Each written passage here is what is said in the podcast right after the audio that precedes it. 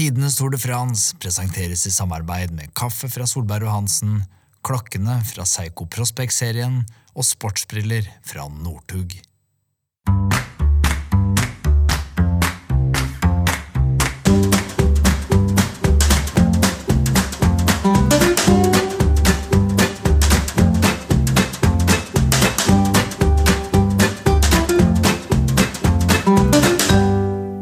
Velkommen skal du være til Tidenes Tour de France. Podkasten der vi tar for oss de gamle, legendariske Tour de France-utgavene og, og har med oss fete folk i studio.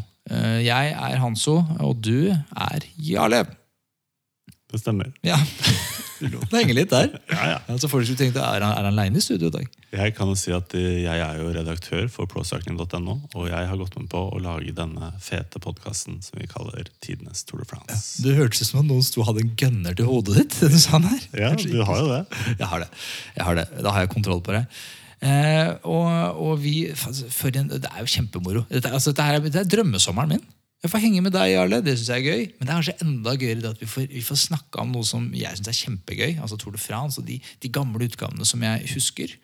Og som vi kommer til. Vi skal snakke om noen utgaver som ingen av oss, i hvert fall ikke jeg husker. Jeg var i ikke født engang. eh, på den- Vi skal snakke om Tour de France 1989 i dag. Eh, Det var året før jeg ble født. Hva husker du fra 1989, egentlig? Ikke altså utenom eh, Tour de France. I- Altså, generelt? Du husker Tour de France? Det er, du har glemt det er annet. året etter fotball-EM i Nederland. Hvor mm. Nederland hadde et utrolig bra lag eh, bestående av Hrud Grullit, Oi. Marco van Basten, Ah, Frank Rijkaard Alle de gutta der. Alle Barcelona-trenerne? Yes, stemmer. Så gøy. Ok, Dette er en annen podkast med en gang. merker jeg. Vi må holde oss til Tour de France sykling. Eh, og, og i dag så, så kan du bare si, vi, sier, vi sier det hele tiden, men, men vi setter veldig pris på at folk skriver til oss eh, og, og er aktive. Altså, det syns vi er dritmoro. Fortsett med det. det og vurder podkasten, rate den, gjør alt. Det, det setter vi veldig stor pris på. Eh, I dag så skal vi møte en kul fyr. Eh, Jeg kjenner han jo ikke i det hele tatt. Du kjenner han her veldig godt. Vi skal møte G, altså jeg sier det feil. Gino van Odenhove. Syns det var veldig bra. Ja. Ikke så dum, den. Belgisk sportsdirektør, jobbet for uh, Joker-laget i Norge i mange år. Og nå er han uh, sportsdirektøren til Edvald Boasson Hagen i NTT Pro Cycling. Eh, veldig nøktern fyr. eh, seriøs. eh, Kunnskapsrik. Okay. Liker ikke å bli kødda med hvis gjør det, har med altså. faget hans å gjøre. Pokker, jeg skal, jeg skal prøve å eh, be at my best. Jeg. Ekstremt eh, god taktisk. skikkelig sånn sykkelhode. Ja, det er moro. Datamaskin. Jeg, lyst, jeg, jeg kommer til å stille mye dumme spørsmål. Der, bare så du, du, du kan ta avstand fra meg hvis du vil. jeg har lært meg til å leve med det. Ja, du har gjort det. Men vi skal jo nå ut til folket, så jeg tenker det er en god, god ting. Ja. Ja, det er en bra ting. Vi skal reise. Vi får lov å komme på Vestfoldsbesøk, hjemmebesøk hos han. Han bor i Tønsberg. Men vet du hva, Gino er glad i kaffe, så vi må huske på en pose fra Solberg og Hansen. Bra, smart. Hvem skal vi ta med den der? Han er litt, han er litt sånn streng med den streng. Tade-saken, da? Nei, men kan ikke ta med hvis han er litt sånn hard. oh, ja. Den der black espresso. Den Oslo, det er litt sånn, er du røff? Den er grom. røff. Ja, den er, den er grom, den. Ja, ja. Ja. Du kjører, du. ja Ja, kjør på. da drar vi. Klare. Jarle, du er klar. Vi er kommet ned til idylliske Tønsberg, her vi sitter. eh, i, eh, ser utover den flotte sommernaturen her.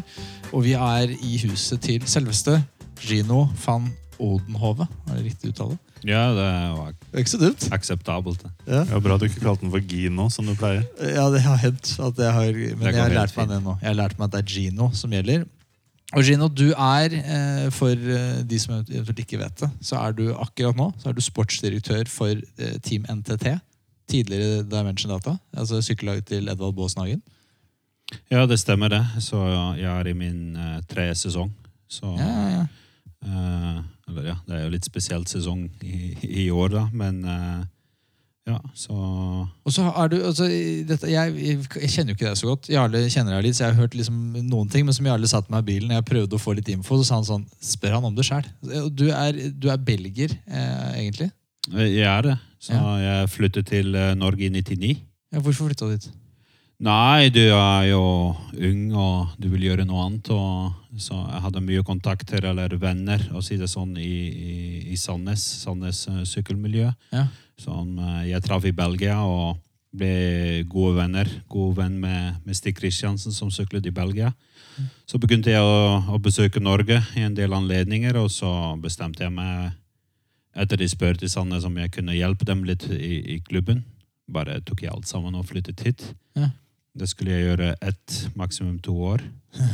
Og så tilbake til Belgia. for at Belgia, sånn mitt inntrykk, da, jeg har jo ikke vært der, det er jo en langt mer sykkelgal nasjon enn Norge. Eh, det var det, eller jo, det er det.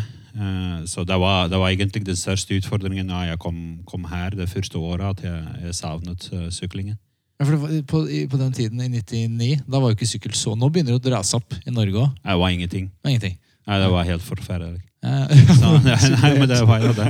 Så det, det Men hvordan er dette i Belgia? Fordi Mitt inntrykk er at eh, vi, sånn som i, at det, sykkelhelten i Belgia det er som langrennshelten i Norge. At det er sånn Klæbo og Northug, at man, måtte man bli hylla på den måten. Ja, helt klart. Så det har jo vært alltid sånn, så jeg, er ikke, jeg kjenner ikke noe annet. Ja. Så jeg har vokst opp med det, og det har vært sånn det, de siste jeg tror, skal ikke si 100 år, men ja. uh, det, har, det har vært her hele tiden. Hvem er den største? Er det Eddie Merckx? Største belgiske? Ja, De merker seg er størst, eh, ikke bare i Belgia, så han er bare størst. Ja, ja, ja. Så, men eh, det, det går jo i perioder. Så det har jo perioden Merks, og, og han blir jo hengende hele tida. Um, Hvem var den største rockestjerna? For du har hatt sånn Johan Museuv, du har hatt Tom Bonen. ja, jeg tror Tom Bond er nok vel det største vi har hatt i de siste 20, 20 år. Så han var virkelig ikke rockestjerne. Han har fortsatt litt rockestjerne, men jeg har ikke så mye sykkel. Så per i dag har vi ikke sånn den helt store. Vi har Van Avermaet, Gilbert. Så det er sånn litt store stjerner, men Ja. ikke, ikke på nivå uh, Tom Bond. Nei. Så I klassikerne snakket vi om to-tre mann uh, i i ti år, og det var Cancellara og det var Bonden. Ja. Så, og, ja, det var helt bra. Ja. Tenk, tenk at du ikke sier at Gilbert er det helt store. Ja, men han er jo stort Han er jo stor som, som, som syklist, men han er ikke samme stjernestatus som, som Tom Bonn. Når vi først er inne på Gilbert, kom, vinner han det siste monumentet? Klarer han San Remo? Eh, Jeg tror det er mulig. Altså, Ja. vi, har, vi har sett hva han, hva han er i stand til eh, før, så når han setter seg noen mål. Så problemet er når det kommer i Poggio, så alle vet at, Gilbert vil vinne. Ja, ja. Og at han er Det vil han si 40 år, er han ikke det? Altså. Jo, men det har litt å si, så han, han er bra. Eh, Han Ja. er fortsatt god nok å kunne klare å vinne, vinne Milan Saremo. Og jeg skal være ærlig på det, det hadde vært, eh, det hadde vært litt kult om han hadde klart det. Det var, jeg elsker det. Jeg elsker sånne hegemonier. Når folk blir sånn eh, gigantiske. Det synes jeg er helt rått. Men, men eh, dette NTT, du er jo sportsdirektør for et pr- profflag, World Tour-lag. eh, Nå har det vært korona. Hva, hva skjer med NTT nå? Hva, hva, hva gjør man som sportsdirektør under korona? Nei, vi er jo i en veldig spesiell situasjon, akkurat som alle andre i, i sykkelsporten og i, i det andre, la oss si, livet. Eh, Så det kom brått på, egentlig. Så jeg, har, jeg gjør mitt siste løp i Belgia 3. mars, med Ja. Feile fra, eller Le Samen, som de, de, kaller, Ja. de kaller det i dag. Så kom jeg hjem, og så var det egentlig bare å, å vaske tøy og, og pakke kofferten igjen og, og reise til Tireno Adriatico. Og Ja. det, det skjedde aldri, og siden da har jeg vært hjem. Så um, Hva sa- gjør du da? Altså, hvordan, altså, vel, nummer én, jeg kan, jeg kan ingenting. Hva gjør en sportsdirektør? Altså, hva, hva er liksom, hva, van, et vanlig år uten korona? Hva, hva er oppgaven din? Ja, faen, Jalle, hvem er- har du tatt med her? Vet du? Så ingenting om sykkel. Så. Og hvor mye, tid, hvor mye tid har vi her, egentlig? Ja, jeg er Kom igjen, Gino. kjempenysgjerrig. Ok, ta kortversjonen, da. Nei, men Det er egentlig ikke et, eh, et ganske bra spørsmål, for jeg tror det er mange, mange folk som ikke vet hva en sportsdirektør gjør. Altså, Personlig liker jeg ikke det ordet direktør, men på den annen side, f.eks. for eksempel når jeg er på et sykkelløp, er sportsdirektøren han som har overordnet ansvar Ja. over alt i laget. Ja. Så alt fra hva som eh, dreier seg om taktikk, logistikk, eh, er egentlig daglig leder for et lite bedrift som, som reiser rundt. Så, Ja. Og for å kunne gjøre det veldig bra og 100 riktig, eh, kreves det mye forberedelse. Ja. Men du sitter også i bilen eh, og følger rytterne når de er, sykler disse ulike rittene. Ja, helt klart. Så, Er det du som sitter på radioen? ja, noen ganger er det meg, eller er det kollegaen min. Så Det er en regel i World Tour nå at uh, vi må alltid være to. Så i prinsippet han som kjører bil, eh, skal ikke snakke til ryttere. Nei, nei, vi snakker jo til dem begge to, men det er alltid en Ja, de gir faen selvfølgelig. Ja, ja. Eh, men det er alltid hva vi kaller en første sportsdirektør og en andre sportsdirektør og en tredje i Grand Tours. Eh, Og så er det en første sportsdirektør her, sånn overordnet på, på alt som har med taktikk å gjøre. Og så det er jo naturlig da at det er han som snakker med, med Rutre underveis. Ja. Så, men egentlig når vi kommer i bilen, er mest av jobben gjort. Så det er jo, det er jo spesielt forberedelsene som, som, krever, som krever mest. Uh, man, må, man må kjenne til løypene, konkurrentene, alle faktorer som, alle faktorer som spiller med, og, og må kunne vinne løpet. Mm. Ja. Og så I tillegg eh, er vi her, er laget delt opp i, i små grupper, så jeg har fem rutere jeg følger opp. Ja. Sammen med trenerne dem, så jeg lager ikke treningsopplegg. Hvem er det du følger på i NTT nå? Eh, Det er eh, Edvald og, Ja. og Rasmus, de to norske. Det er ganske naturlig. Jeg, jeg står nærmest eh, dem. Og så er uh, Rein van Rensburg, uh, Jay Thompson og Rein Gibbons. Ja. Så jeg har faktisk tre sørafrikanere og to norske. Ja, kult. Ja. Det som er litt ok med det, er at, at alle er klassiske ruttere, Så jeg ser dem ganske ofte. også. Og det er egentlig Jeg har prøvd å påvirke når jeg startet der, for det hadde jeg forskjellige ryttere som kjører forskjellige løp, og det blir litt vanskeligere. Og vi har kommet mer til sånne kompakte grupper. da. Ja. Så, og Da snakker vi litt om taktikk, om trening, om planlegging, sånne ting. og Det er egentlig mer sånn litt mentalt mental coach de er. da. Eller Ja, ja, ja. sånn liten ekstra hjelp. Vi har sånn trekant med, med coach, rytter, eh, sportsdirektør, eh, som følger opp, følger opp når vi har dialog og møter. Og, og Er, er Edvald et slagør? Blir det, blir, blir det bra resultater? Ja, sånn Edvald er, er alltid slag. slag. det er alltid Det slag. er det som er problemet hans. Så. men eh, ja, jeg tror det ser veldig bra ut. Ja. Det har vi sagt mange ganger, men man må vite når vi kommer i de finalene i de klassikkerne, at det er skyhøyt nivå. Så det er små detaljer som avgjør om, om, om du er med eller ikke med og, og kjemper om seier. Så det, det er ganske mange ting som skal klaffe. Det er bra. Da jeg lært litt der. Jeg var ikke, var ikke så... Er det noe jeg har glemt å spørre om, Jarle? De har ikke noe unnskyldning i år, de norske, tenker jeg, med dårlige treningsforhold. og De norske bør være top notch fra starten. For det, italienerne og spanjolene har sittet som sånne burhøns på rulla, sånn som vi pleier å gjøre om vinteren. Da. Så, Men nå har jo de norske hatt eh, all verdens tid og mulighet til å trene seg i god form. Ja. Så vi får se. Få på det. Blir Tour de France å høre, Gino, siste her før vi skal knekke i gang med det vi skal prate om. Eh, På meg? Ja, ja, blir Jo, Tour de France. det står på lista, ja. ja. Så jeg har tatt ut. Ja, men jeg tenkte på å bli, men tror du det blir faktisk Det gjennomført? er, et, eh, det er noe helt annet. Så det tør jeg ikke å uttale meg om. Ja, men du Så har jeg, håper, jeg håper det. Så for oss er det viktig at vi, at vi kan uh, starte sesongen og sette i gang. Men eh, ok, dette podkasten her heter jo ikke Gino van Odenhove. Den heter Tidenes Tour de France. Og det vi driver med, er å gå tilbake ikke sant? og mimre til de største utgavene av Tour de France-historien. Eh, og i dag så skal vi hoppe inn i den Vi har sånn fiktiv tidsmaskin. Vi reiser tilbake, Og nå skal vi reise ganske langt tilbake. Jarle. Jeg, jeg, jeg gruer meg nesten. Nå, jeg, er ikke helt på, jeg er ikke helt på hjemmebane. Vi snakka med Gino, han fikk lov å velge seg en versjon, eller kom med forslag, og han sier 1989. Riktig. Så jeg, jeg må innrømme at jeg måtte gjøre en, en god del research. Jeg har ikke alt det her i fingerspissene, men det har vært en veldig deilig reise. Jeg har Ja. funnet et enormt drama og store personligheter og lært veldig mye, egentlig. Så får vi se om det står til laud når vi har professor Gino med oss her nå. Ja, jeg var jo ikke født engang. Så dette her, men vi, vi, vi har, dette har vært kjempespennende. Det det er jo en, en sagnomsust edition eh, av Tour de France. Altså Tour de France 1989. eh, og, og for et drama dette var. Dette var helt, det er jo helt spinnvilt. Jeg har sittet på YouTube og, og, og sett dette om igjen. Dette, er jo, dette bør folk gjøre. Gå på YouTube og sjekke det ut. Vi pleier ofte å starte når vi går på disse editionene og ser på, måte, favorittene. Inn inn vi, vi er i 1989. Hvem var de store sykkelpersonlighetene på den tiden? Rino? Oh, det, var, det var mange. Eh, så når man, når man ser på, på den startlisten der, så eh, jeg får fortsatt frysninger når jeg ser alle de lagene. Så fordi på det tidspunktet da jeg er 17 år, så jeg har begynt å sykle sjøl, og du begynner å følge mye mer med. Og det var sånn litt grunn når eh, når Jarle spurte meg også hvilket år og du begynner å tenke litt tilbake, så kom ganske egentlig umiddelbart eh, på 1989, og det er forskjellige grunner, så jeg begynner å, å følge enda tettere med, sitter på sykkel eh, hver dag eh, på trening og sånne ting. Og jeg er noen som eh, gjerne visualiserer uh, sykkelløp når jeg er ute på trening. og så, Ja. Så Den ene dagen er du Greg LeMond, den andre dagen er du ja, en, av, en av klassiske rutene. Ja. Men en annen grunn er når jeg kom mer og mer i sykkel, og når det begynte mer å bli jobb, Ja. begynner du faktisk å følge med mindre. Så du er mest opptatt av, av hva du driver med.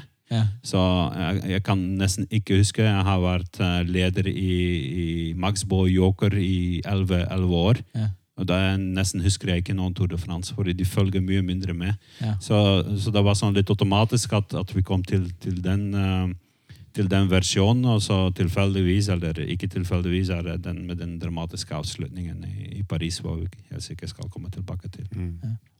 Nei, altså Hvis vi tar litt favoritter, da, så den største eh, i forkant var jo Pedro Delgado. eh, som vant Spania rundt. eh, og Vi kan kanskje nevne det også, at det var litt annerledes kalender på den tida der.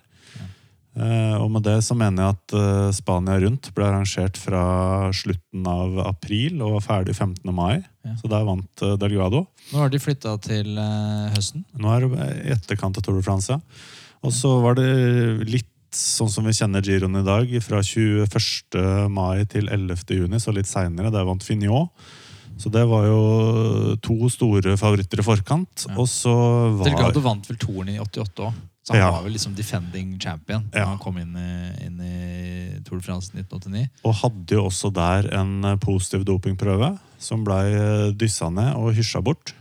Eh, Ja. Så han var ikke så populær i, i Frankrike når han kom tilbake igjen. Og de, de lukta at der var det kanskje en juksemaker. Men det var jo litt på den tida her, da. Hvis du testa positivt, så var det mulig å få det til å forsvinne. Eh, Det var uh, det er flere som har fått det, det, si. Ja, det var typisk sånn maskeringsdop, da. Så det kunne Ja. indikere at han hadde brukt noe annet. Men uh, ifølge min research så, så testa han positivt uh, underveis i 88, men slapp unna. Ja. Mens andre igjen ble kasta ut av, av rittet. Så Og Eh, og jeg var kanskje innom Le Mans, ellers så tenkte jeg skulle si det. Men eh, han hadde jo en veldig spesiell inngang til Tour de France i årene i forkant. Han ble jo nesten drept, egentlig. Stemmer det. Så han kom, han kom ut i en jaktulykke. Eh, Jeg tror det var med svigerbroren hans. eh, Så Han ble skutt. Ja, han ble rett og slett eh, haglet ned. Ja. Så det tok eh, mye revalidering, og vi- så jo, når Lamont kom tilbake, så du en litt annen type rutter. Hadde fått eh, mye mer muskler, så han hadde trent seg opp eh, Ja. skikkelig revalidert som, som han skulle, men det var fortsatt et stort spørsmål om, om han skulle klare å, å sykle på det nivået han hadde gjort før. Eh, Le Mans vant jo touren en, en del år tidligere, så den kjente La Viclaire-episoden med Bernard Hinault. Riktig. Ja, 86? Ja, så altså med Andrew Hamson, to amerikanere, som begynte eh, å hva heter det, å røre litt i hege, hegemonien til, til Bernard Hinault. Ja. Så vant den, og så uh, var faktisk ganske bra en dagsrytter. Uh, bli verdensmester og, og sterk, sterk rytter. Men så det var veldig mye sikkerhet eh, rundt Le Mans, da. Um, så i tillegg eh, hadde han signert for, for et nytt belgisk eh, storlag, som, som, som heter ADR. Ja. Som eh, viste seg å være et stort uh, luftslott. Et skikkelig møkkalag, rett og slett. Ja, møkke, Godt møkkelag og møkkelag. Jeg tror det eksisterte i to år. I de årene vant de Tour de France, de vant Paris-Roubaix, de vant ja. Flandern rundt. Og betalte null kroner i lønn. Det var det det, beste. det gjør de. Og så, eh, jeg vet ikke om det er i dag. Det, det er folk som følger med på, på Sporza. eh, følger noen sykkelsendinger der. Når, når vi hører kommentatoren, eller ekspertkommentatoren José de Caver Ja. i dag, han var sportsdirektør i ADR. Okay. Så han var sportsdirektør eh, den dagen Le Mans vant, og, og han har gått personlig konkurs på, på de greiene. fordi uh, han er veldig samvittighetsfull, og han betalte mye av sine egne penger og Ja, det laget i gang. Og så faktisk den turen de vant i, i 89, uh, var personlig finansiert av uh, José de Cover. Ja. Ah. Hva hadde vi? Sånn Johan, en ung Johan Museum sykla på det laget. eh, Researcha meg frem til. Han var med i det to, toren det året. Ja, det stemmer. så Han begynte der, men det, det så jo veldig bra ut. så Det var noen ting de nesten ikke hadde sett i, i Belgia før, og måten det blir presentert på og hele pakka. Men eh, Francois Lambert, som heter eieren, eh, alt var jo bygd på, på luftslott, så det var ikke penger i det hele tatt. Vi må ta litt om uh, Fignon også. Uh, vant Tour de France i 83-84. Eh, hadde kneskade i 85, så var jeg ikke med i Tour de France. Eh, litt tilbake igjen i 86, vant Flesh Vallon. Eh, 87 så ble han tre i Vueltaen og sju i Tour de France, så da var han litt oppe der han skulle være igjen. Og i 89 så var han veldig bra. Leda World Tour, kniva med Sean Kelly der, og vant jo da San Remo og Giro d'Italia. Og kom jo til Tour de France som den store favoritten ved siden av Delgado. Ja. Eh, Og så stilig fyr. Med de brillene. Ja, var han stilig, da? Var ikke det? Jeg syns det er litt stilig. Ja, Professor. Sånn litt, Ja. De kalte han for professor, men jeg syns det var litt mer hippie. egentlig. Så, men uh, helt klart, det var litt, litt utenom det vanlige. Det var stilig. Ja, fortsatt Jeg går jo med rumpetaske, så det er klart jeg er jo litt Så jeg traff faktisk uh, Fignon. Uh, veldig fin seanse eh, for ja, mange år tilbake. Vi var i Frankrike og kjørte Paris-Corrèze med, med Max Baa. ja. Og Fignon var litt med i organisasjonen. og han, Bestekompisen hans var jeg kommer ikke på navn, var en, en, en kar som organiserer eh, mye rallycross, i, ganske stort. Rallycross i Frankrike. Ja. Jeg vet ikke om det er, dere vet, men det går noen ganger i snøen opp i Alpene, sånne små rallycross. Han var, han var en kjent fyr, og han organiserte da Paris-Corrèze sammen med Laurent Fignon, som var sånn litt ambassadør for det. Og ehm, noen ting som ikke var uvanlig i den tiden, at vi vant uh, en etappe, første etappe med, med Boasson Hagen. Ja, ja, selvfølgelig. Og uh, løpet hadde utviklet seg sånn at det bruddet var tolv minutter foran feltet. Ja. Uh, nei, foran det første feltet, og så var det noen og 20 minutter foran hovedfeltet. Så det, det var meget spesielt. Ja. Og så eller Den lokale organisatoren ville jo vente med seremonien til, Hovedfeltet kom inn. til hovedfeltet kom inn, og da sa Finjo nei. Sa han sånn med fingeren gjøre. Nei, det gjør du ikke. Han gutten her, han har syklet fort nok. Han skal hjem nå, restituere. Ja. Han har en stor talent. Han skal ha blomstene med en gang, og så er det slutt her. Ja. Så det var mitt, mitt møte med, med Laurent Fignon i, i Paris-Corrèze, jeg tror 1996. Det er kult. Ja. Had, han hadde brillene fortsatt. Ja, ja, han så jo prikk likt ut. Han kjører stilen, ja. Han Ja, holder på den. Han kjørte, fordi Ja, han kjørte. lever, lever dessverre ikke lenger. Nei, han gjør ikke det. Nei, han døde av eh, kreft. Han fikk kreft i var det bukspyttkjertelen, eller Jeg kjenner ikke til detaljene, men jeg vet at han ble syk og Ja. han måtte gi opp. Ja. Jeg tror det var eh, bukspyttkjertelen. Sitter den i eh, munnen, eller? For jeg mener at han eh, kommenterte, og så fikk han problemer med stemmen etter hvert. På grunn av, eh, Nå er vi langt Kanskje på blander. dypt vann, og jeg tror ikke bukspyttkjertelen sitter i kjeften. Det, jeg, vet ikke. eller svelget. Ja, pass. Jeg vet ikke. Nei, jeg vet, jeg vet ikke heller, men dette jeg har sett nå i det siste, er at dattera hans prøver å, å få litt minner tilbake Ja. eh, på sosiale medier. Så, Ja. så det er fortsatt mye, mye snakk om, om Finjo. Så veldig eh, Ja, hva skal man si? Legende. Men raskt inn på de andre. Det er et par andre favoritter eh, også inn i Ja, toren. Eh, gjerne. eh, Steven Roach blir nevnt. Han vant i 87. Eh, syklet ikke Toren i 88, for han sleit med noe kne på den tiden. Eh, jeg lest meg til her. Mm. Men vant, nei, fikk andreplass i Paris-Nice, vant Baskeland rundt og var en fyr å regne med. Og så har du han der Char Charlie Motte. Hva uttaler jeg det? Charlie Motte. Charlie Motte. Charlie Motte vant Dauphiné og hadde en fjerdeplass fra 87-toren. Og så er det en fyr som nevnes her, og du var litt inne på det i men Sean Kelly. Han ble nevnt som favoritt. og tenker jeg, Sean Kelly, For meg han var jo en sånn klassiker, nesten spurter omtrent. Og så sa du, sa du nevnte tidligere med Greg LeMond at han var en god klassikerrytter. Det virker for meg på den tiden så var det mye mer at du, gjorde litt av alt. At de, samlagsitterne de hadde en god spurt òg. Ja, det, det var, sykkel var jo helt annerledes enn det er i dag. Så, så man, de fleste ryttere kunne det meste. De kjørte mange flere løp som vi gjør i dag. Så det, det er mye seinere at, at man, Spesialiserer seg, man liksom. spesialiserer seg. Ja. Uh, det kan godt uh, ha noe å gjøre med måten det, det forbereder seg da. uh, Ja. på, på, Med medisiner. på, med, på, medisinivå. Så nå, nå er det ikke mulig lenger. Nei. Så når du satser eh, GC i Tour de France, du ser uh, Froome kjører kanskje 30 løp i året. Så det, det har blitt helt annerledes, og det er en tendens vi har sett nå de siste la oss si, ti år. Um, sånn for min Når du ser mitt liv i syklingen, er det sånn veldig lett å se de endringer. Ja. Altså, helt klart Den første store endringen kom, kom i, i 98 med Festina-skandalen, men da tok det fortsatt eh, en del år før de rensket opp, og det var ikke før la oss si 2004-2005. Så når man eh, både i Italia og Frankrike kunne komme i fengsel fordi man dopet seg på sykkel, Ja. at ting virkelig endret seg først. Eh, det hadde endret seg allerede på proffnivå, men også i de lavere rankinger, amatørrankinger i Frankrike og sånn. og heldigvis, når vi startet laget i 2005, kan man si at det var rimelig grensket i Frankrike. Og det var det at vi eh, det var mulig, mulig for de norske å vinne mange flere løp, og det er også i den perioden at man ser at folk begynner å spesialisere seg. eh. Ja, for det funker ikke å være best på alt. Mm. Nei, ja. Men du husker jo sikkert dette PDM-laget, Gino, bedre enn meg. De kommer altså dit med Sean Kelly, som kan gjøre alt, som dere sier. Steven Rooks og Gert-Jan Tøynisse. Altså det, der snakker vi ganske store profiler på samme lag. Hvordan, hvordan fungerte egentlig det samarbeidet der, og hva tror du planen deres var? Altså Kelly var jo så god, så han kunne nesten ha kjørt for en topp fem i sammendraget. Men så har du de klatregutta der i tillegg.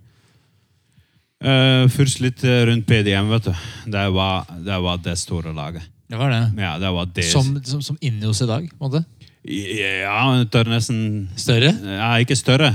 eh, ikke større, men virkelig, det var laget. Når du Ja. ser på de navnene, når du ser eh, måten de, eh, de oppførte seg, hvordan de så ut i magen, hele, hele greia. Så min absolutt første sykkelbukse jeg kjøpte, eh, var, var PDM. Ja, var, det var så mye mer rockestjerner enn Indios. Indios er jo ikke så rockestjerner. De Nei, det var ikke sånn rockestjerne heller, vet du. Det var jo Sean Kelly, var ikke han litt Han syns jeg er kul. Uh, jeg tror det min om han. Jo, han er helt sikkert kul, men jeg tror nok det er en av de mest seriøse sykkelryttere som, som, som har eksistert. Det, det, det er ryttere som de, de hadde klasse, de hadde, de hadde kompetanse om sykkel, og, så jobber de knallhardt. vet du. Eh, så når du ser på det laget der som startet i Tour de France, Steven Rooks, Raúl Alcala, så colombianer, meksikaner, men med litt eh, colombianske roots. Um, Rudi Danens ble verdensmester i utsonomia og årtall 90. Ja. Så um, Martin Ørli kjenner jeg ikke så godt, men da har jeg Sean Kelly, solide Jørg Møller, og så Hertjan Tønise mm. med sitt lange hår og, og klatre. Uh, og så et par hjelperyttere fra Holland. uh, men Steven Rooks var vel også hevda seg. ja. Steven Rooks, det, det, var jo, det var jo klasseryttere. Ja. Så når man ser bort fra alt det de tok til seg. Men um, eh, PDM, det var, det var laget. Du ser de, de står på Gode leger, sikkert. da. Veldig gode Helt leger. sikkert. Og så Ja, det var jo uh, Faktisk uh, har, jeg, har jeg møtt uh, han som var manager i, i PDM Ja. i etterkant, etter PDM ikke eksisterte lenger, og, og mange, ja, nesten ti år senere. har jeg møtt han i flere anledninger. Det var nederlenderen Jan Gisberts. Og Jan Gisberts han er ungdomskamerat med, med, med faren til Leonard Snook, som er i dag sportsdirektør i, i UnoX. Ja. Og Leonard Snooks var selv en veldig eh, habil landslagssyklist. Og jeg var leder for juniorene, og så hver gang vi, vi kjørte løp i Nederland eller Belgia, så kom Jan Gispers på besøk. Ja. Og vi endte opp eh, å kjøre et, et lagtempo i, um, i acht van blad eller tre dagers aksel. Det er veldig Hvor- god uttale på de byene, Gino. Hva? Det, det er veldig god uttale. Ja, det, takk. er, det er altså, påklagelig uttale. Ja.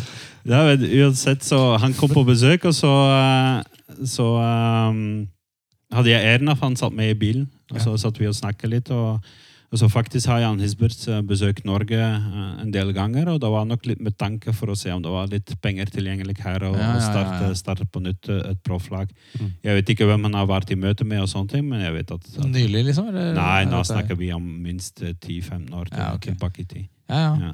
For jeg vet ikke om han lever i dag. eh. Men du, du nevnte det før vi gikk på, at det er en del av når du ser på navnene her, så det går jo igjen både at det er de som i dag er sportsdirektører rundt om i alle lagene. De sykla jo mye på den tiden her.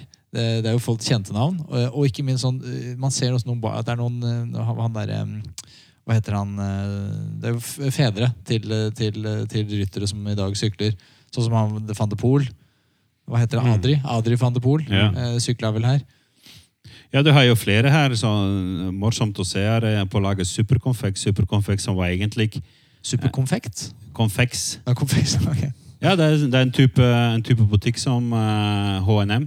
Ja. Så klesbutikk. Oh, ja. Ja, ja, som masse, masse butikker rundt om i, i Nederland og, og Belgia på den tiden. Jeg vet ikke om det eksisterer lenger. Nei. Men det var faktisk eh, det laget som var eh, Som ble Rabobank etterpå. Mm.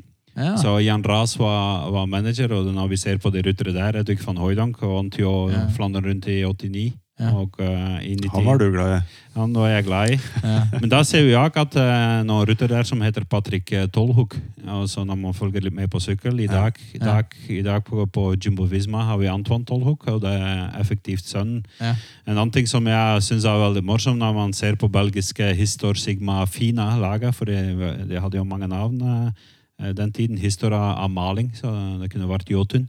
Ja. Eh, I dag så har vi faktisk tre ryttere som i dag er sportsdirektør i Quickstep.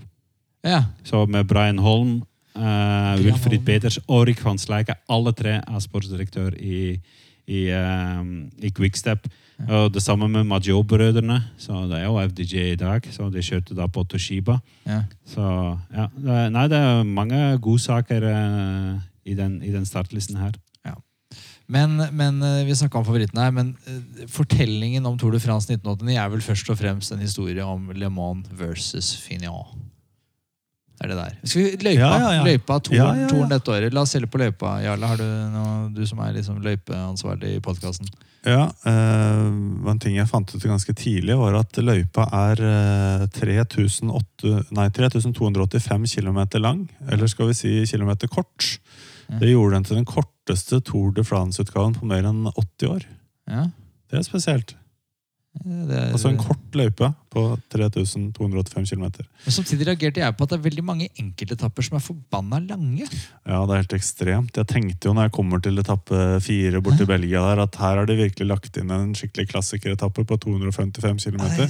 Og så er neste etappe er 278 eller noe sånt. Så eller, altså, da skjønner du hvorfor de dopa seg òg, da. Ja, ja, ja. Når det, når det blir så krevende. Men eh, nei, og så var det jo Grand Depart i Luxembourg. Mm. Der var det en prolog, og så dro de over til eh, Belgia etter hvert, og Spa. Der er jo du godt kjent, eh, Gino. Hvor i Belgia er det du er fra, Gino? Ikke fra Spa. Nei. Nei, jeg er født og oppvokst eh, i området hvor Flandern rundt går. Ja, det, Så En by som heter Ninova. Så Du kan faktisk sykle brostein, du? Ja, jeg kunne det. så, nei, men det er en uh, sånn nabobygd nå av ankomst uh, til Flandern rundt fra 1972 til 2011, tror jeg. det. Så det Ja. var sånn fem kilometer fra huset mitt hvor jeg vokste opp. Det er kult. Så, ja, så jeg er derifra. Du har sett og vært og sett noe eh, Flandern eh, opp igjennom, du? Ganske mange, ja. Ja, Ja. Eh, altså, en annen ting jeg reagerte på når jeg så løpet her, er det er mye tempo. Yes, det skal sykles tempo over en lav sko her. Altså, det er over 190 km i tempo totalt. Altså fire individuelle tempotapper og en lagtempo. Ja, Men det var nå litt sånn. Skulle det først være tempo, skulle du sykle langt. Jeg tror på den ene der så bruker jo Greg LeMond bruker jo 1 time og 28 minutter. Det er. Helt spinnvilt! Få satt epoen i årene mine! Ellers kan jeg jo ikke være med på dette. Det er jo helt sinnssykt. Men sånn gjør det ikke lenger, Gino.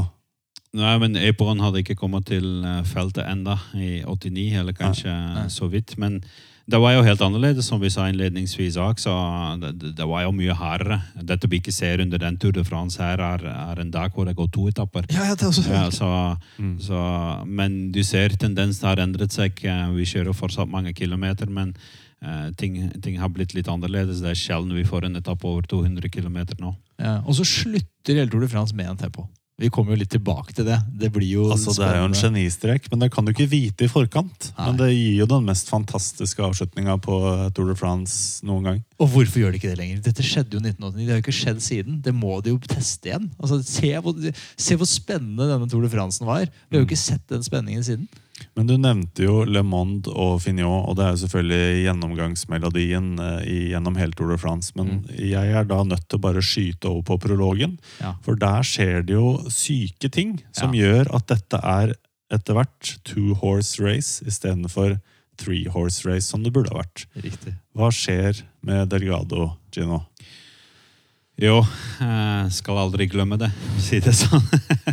det var meget spesielt, så eh, for de som ikke vet, eh, så når det er en prolog, er sistemann som starter i prologen, er han som vant Tour de France året før.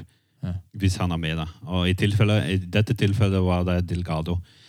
Og så går, eh, starter prologen, og så kommer de til Delgado sistemann, og hva skjer? Han dukker ikke opp. Ja. Så han er ikke der. Ja. Vi starter klokka. Altså- starter klokka. Ja, de starter klokka. Det er, det er regelverket. Ja. Så, så venter de og venter de, og så er han jeg tror mer enn to minutter. Jeg To tror det minutter og 40 sekunder. to minutter og 40 sekunder for seint på starten av en prolog. Ja, det Så sinnssykt. det ødelag faktisk eh, turen til, til Delgado. Så det er forskjellige historier om hvorfor han er for sein. Men eh, så, Jeg får høre noen. Eh, de sa at han hadde vondt i magen og, og satt på do, at han glemte tiden. Ja. Og da er det natur naturligvis mange konspirasjoner Ja, som sier at folk har gjort at han ble for seint. Og som Jarle sa, Delgado var ikke veldig likt i, i Frankrike. Ah. Og Da kommer vi tilbake, og så det skal egentlig komme fram i hver podkast dere har, den, den sjåvinismen til, til franskmennene Ja. som vi ser i mange ting. Som de sier, det har- det har ikke vært en tempo siste dag siden 1989. Nei. Så, så kanskje det hadde vært hvert år om Fignot, ja. om Fignon hadde vunnet. Så Ja. Det er sånn litt den franske sjåvinismen, så det er mange konspirasjonsteorier rundt, rundt Delgado. Men faktum er at han, eh, han var for sein. Ja. Så han, han starter egentlig eh, med en skikkelig handikap. Ja, Selvfølgelig, med to minutter og 40 sekunder i handikap. For han var jo ikke, Hvis du ser på ren etappetid på den prologen, så er han vel bare 14 sekunder bak eh, vinneren. Ja, Det blir 2,54 det da, når du har 2,40 oppå der. Nei, han gjør jo en god prolog. Ja.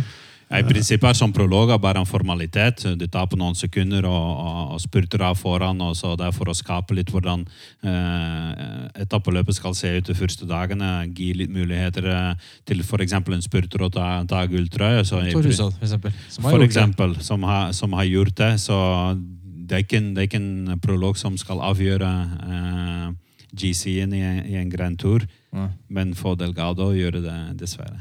Hvis du gjør regnestykket, da. eh, 2,54 blir det totalt da etter Broiking. da. Ja. Eh, Men Le Monde er jo ikke så langt etter, og i Paris så er Delgado 3,34 bak. Ja. Taper han toeren Ja. der, eller? Ja. Ja. Fordi det endra dynamikken helt. Altså han kunne jo, Hvis han hadde vært oppe kunne jo, altså Han gjør det jo, vi kommer til det, de neste etappene her, så gjør han det ganske bra. Han er jo på offensiven.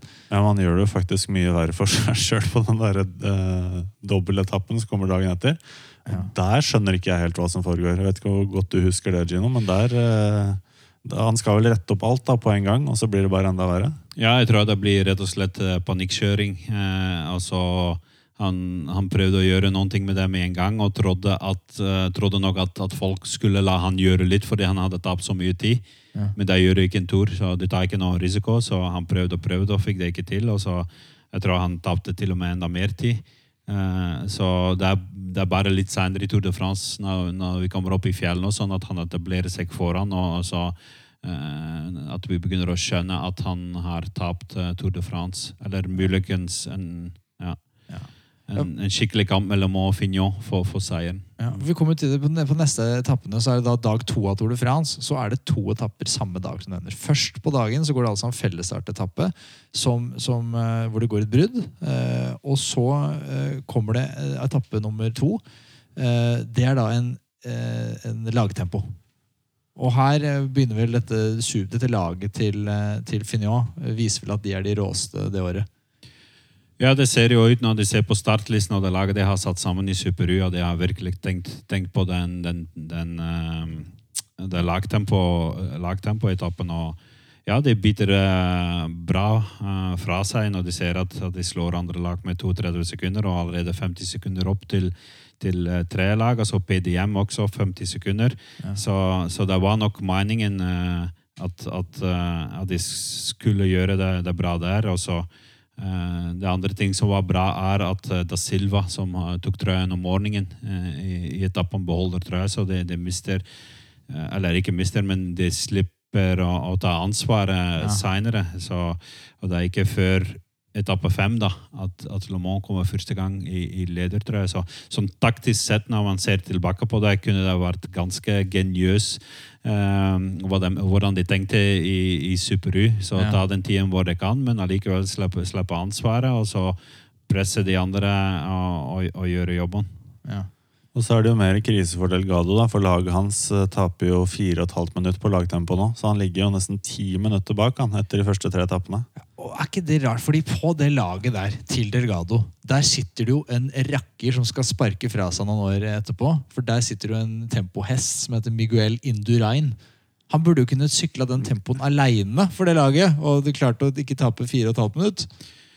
Ja, Indurain var hadde etablert seg allerede bra. Jeg tror allerede det året vant han Paris-Nice og, og var jo for, foran ja, på ballene, kriterium Dauphiné og sånne type ting. Men eh, alene, det er kanskje dra det litt langt. Uh, altså, du må jo få de andre med òg, Ja, Men Delgado var vel ikke så dårlig på tempo, han heller? Han burde... Nei, men da hadde de fortsatt bare to, to stykker, vet du. Så jeg tror de hadde nok tenkt mer på et klatrelag rundt, rundt, rundt, rundt Delgado. Ja. Mindre enn Grospe, man, man ser dem der, Melkor Mori. Eh, Sånn Rondon. baskiske- Ja, så egentlig var det bare Dominic Arnault som, som kunne hjelpe veldig bra i, i, i, den, i den lagtempoen. Så taktisk bommer der, men taktisk bommer kanskje sett i etterkant. Ja. Så de tenkte nok helt annerledes enn Super U, som prøver å ta hver anledning og se hvor de kan ta tid. Ja. Hvor uh, Reynolds uh, Banesto kanskje satset alt på Pyreneene og Alpene. Ja, for Super U hadde jo lest etappeprofilene. De hadde lest Jo, men det, det, har, nok, det har de nok gjort i, i, i Reynolds Banesto. Okay. Men det, ja, det er jo forskjellige strategier og, og taktikk. Ja. Så fordi du, du svekker jo laget i fjellene når du setter opp et lagtempolag. Ja. Så, så det er jo forskjellige strategier, og kanskje de har ikke nok ryttere på den tida i Reynolds Banesto eh, for å, for å kunne gjøre en forskjell i det lagtempo. Da må du satse på de rutene de har, og klatre har de eh, masse av. Ja, det, er- de Basker bare reiser til Baskeland og plukker folk der fra gata. Ja, og samtidig, samtidig de har jo to colombianere med på laget, så de er ikke akkurat kjent for å kjøre bra lagtempo, men de er kjent for å kjøre rimelig fort. Klatre greit. Ja. Ja. Ja, så beveger man seg jo inn i Belgia, og så er det noen litt eh, ikke så spennende etapper her. Men så er det som eh, Eller er det noen eh, jeg overser, Jarle? Eh, nei, Det er den klassikeretappen da, som starter i Liège. Og jeg har lyst til å si at den eh, stanser i Vaskehall, men da får jeg vel trøbbel med Gino. Men eh, den går da over grensa til Frankrike etter hvert. Det er brosteinspartier. Og den er jo juicy sagt da, på 255 km, og det her er vel Vallonie og litt sånn Ardenne-terreng. Husker du noe konkret hvor den løypa faktisk gikk, og hvor de var innom eh, underveis, Gino? Nei, ikke sånn helt i detaljene, men uh, det har helt sikkert en vaskehall i Vaskehall. Så det, det tviler jeg ikke på. Men uh, så Vaskehall er jo en, en ja, det, det er egentlig Roubaix. Så Roubaix har delt opp i, i noen, noen deler, og en av dem er vaska, Vaskehall. Nå sier jeg Vaskehall nesten sjøl. Ja. Så det avslutter med noen, noen bråsteinpartier, eh, og så blir det litt, litt uh, småsprekk eh, mot slutten. Jelen Eidan vinner etappen. Så Ja, egentlig- Museet er på tredjeplass. Det er jo Johan klassiker. Museet, ja, du ser Lilleholt, Holt, Sjef Likes, litt, litt spurtere, Peter Peters, eh, litt, eh, litt større karer. Ja, ja. Eh, og så Jelen Eidam var jo kjent da for, for sin avslutning. Han var egentlig ikke noen topp-topp-spurter, men han hadde... Svær fyr. Ja, nei, svær. Han var kraftig. Ja. Så, ja, så, og han var jo kjent for å, å kjøre vekk helt mot slutten, vet du. Ja. Eh, Så kunne, kunne kjøre fra kilometersmerket inn uten at noen klarte å hente han igjen. Men de gjorde en sånn liten dummy, for det var eh, Gert Jacobs, eller Hert Jacobs, som du sikkert har kalt han, som angrep først på ene siden, og så fløy alle på hjulet hans, og så angrep Jelly på andre siden. Ja, det er sånn, sånn typisk uh, hollandske triks. eh, vet du. Også, Hert Jacobs har jo syklet mange mange år etterpå. Syklet videre i amatørklassen. Og vi med, med på, har faktisk eh, syklet mot han. Oh, ja. Kan du tenke deg? Oi. Så jeg tror det er bare nylig at han, han sykler fortsatt mye. eh, følger han på, på sosiale medier. og ja, det var jo, det var jo sterke og ikke minst eh, veldig eh, lure ryttere. Mm. Men det var en ting vi glemte, Hanso. Eh, Vi Ja. pleier å snakke litt om eh, norske deltakere. ja. Og vi har, vi har tre stykker. Har Har vi tre her, altså? Vi har tre. Okay. Vi har uh, Nå er jeg dobbeltsjekker, da er jeg usikker. Men vi Vi har, har, jeg kan si det. Vi har Atle Kvalsvold. yes. Ja. Vi har Dagotto. yes. Dagotto være med her også, ja. ja. Så har vi Janus Kum. Yes. En til siste her. Janus Kum. Er, Han har en spesiell historie. Jeg får høre. Åh, ja, Det er helt sikkert mange her i Norge som kjenner historien eh, bedre enn han. Men han var ikke, han var ikke akkurat norsk. Nei, det hørtes ikke så Eh, jeg tror han var estlender. Ja. Ja, så kom og sykla her eh, i Norge. Kjørte for Glåmdal. Men dette er jo Sovjetunionen. så Det er han er ikke en annen ja. fra Sovjetunionen. Så- Selv om vi kaller det Estland i dag. Så han får hjelp her i Norge. Som sagt, jeg kjenner ikke helt til detaljene, så da må du snakke med noen som Tor Haraldsen, for eksempel. Som, var, som var i ledelsen i, i, i Glomnytt eller Glåmdal, jeg husker ikke hva, hva klubben het. Så syklet rundt her, eh, tok eh, norsk nasjonalitet og ble Ja, han kjørte faktisk VM for Norge. Jeg husker Ja. han kjørte Ronse, iallfall. Som var i 88. Så satt faktisk ganske langt med i finalen. Ja. Eh, Dette jeg kjenner til med Janus Kuma, er at han syklet i et små belgisk profflag som heter Trident. ja. Så Trident av, av Tuggis. Så Jeg tror, ja. ja, at, han, at han, var, han var en meget spesiell fyr. Men her er han jo på laget til Le Monde. Her er han på laget til Le Monde, og jeg vet ikke Kum, jeg må nesten sjekke litt her om han Jeg har sjekka, jeg. Ja, hvor, der ser du. I 1993 kjører Ja. han i Trident. Ja. En annen ting du ser med, Le Mans, øh, med Janus Kum, er at han nesten hvert år bytter lag. ja. Mm. Så begynner i La Viclair i 1986. Uh, gå over til, som jeg tror er et lite amerikansk lag, Ja. Schwinn Icy Hot. Kommer tilbake til Frankrike, kjører for Toshiba, og så i 1988 signerer han for luftslottet ADR. Mm. Ja. Hvor han da i 1989 er med På det møkkalaget til Le Mans. på det møkkalaget til Le Mans, Ja. og så er han med og vinner Tour de France der. Etterpå ser du han nytt lag hver eneste år. Men det er jo kjempekult, da. At det, altså Nordmenn Tour de France. Altså, jeg er jo så enkel, jeg, at det er jo ekstra stas. Atle Kolsvold, som nevner, er jo kanskje mest kjent for meg, i hvert fall. Som, Mm. som, som treneren til Tour Hushovd. Men han var jo, gjorde seg jo absolutt ikke bort på sykkel selv. Ja. Nei, Det var egentlig Roger Miller de skulle kjøre for da, på Peugeot-laget. Men han fikk jo da selskap av Le Monde året etter og var med å vinne Tour de France sammen med han i 90. Ja. Men det jeg egentlig skulle si, da, for jeg tenkte når jeg gjorde denne researchen De norske glemte jeg jo helt. For det, Ja. det var så mange historier her av de store gutta. og liksom Jeg ble helt mesmerized av de. Men så tenkte jeg Dagotto, hvor ble det av han? Og jeg fant ut i går kveld at han sto av den fjerde etappen. Altså der vi er nå. Så måtte jeg finne ut hvorfor, hva skjedde. Så fant jeg en gammel eh, VG-artikkel, for de har så bra arkiv ute på nett. Ja. Og dette er sitat fra Dagotto. Jeg var i god form, men det gikk elendig i prologen. Det viste seg at sønnen min hadde smitta meg med vannkopper da jeg hadde vært hjemme. Jeg kjørte videre en uke. Det skulle jeg selvsagt aldri ha gjort. Ja. Til slutt ble jeg tvunget til å bryte av ledelsen. Det var en forferdelig følelse. Jeg hater å bryte. Ja. Han brøt altså etter den fjerde etappen. Det skal han bruke ute. Mot bryter, Vi får høre mer når vi møter han seinere i serien. Ja. Jeg la merke til at han, han brøt uh, 1989 Tour de France, men ja, jeg kjente ikke Dagotto så godt uh, i den tiden. Uh, det jeg husker fra Dagotto, eh, var jeg tror i sitt siste år eh, som, som proffsyklist. Eh, vant han en etappe i tredagsetappene. Og jeg husker det veldig godt, fordi vi hadde skulket eh, fra skålen for å gå og se på. Og da kom han faktisk inn, eh, inn eh, solo. Jeg tror det må ha vært 1993-1994. Han var iallfall TVM-ruter da. Og han var sine siste to år i det TVM-laget. Og da ble jeg, la oss si, i min verden kjent, kjent med, med Dagotto, Dagotto Lauritzen. Og en annen episode som er veldig kjent for, for belgiske folk i, i um, rundt, rundt Goto er faktisk VM i Utsunomiya i Japan i 1990, hvor han velter. Ja. Så fordi han kikker bak seg, og så kommer Dirde Wolf, som er belgiser, og han uh, gir rett og slett Dagotto en uh, Hva heter det? En ørefik. Ja. Ja.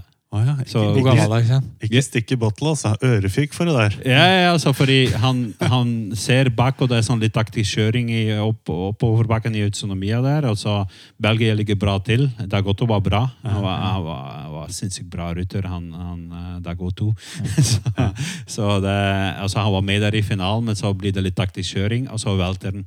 Og så velter nesten, eller det husker jeg ikke godt, velter han nesten Dirk de Wolf da. Ja, det skal han ikke gjøre.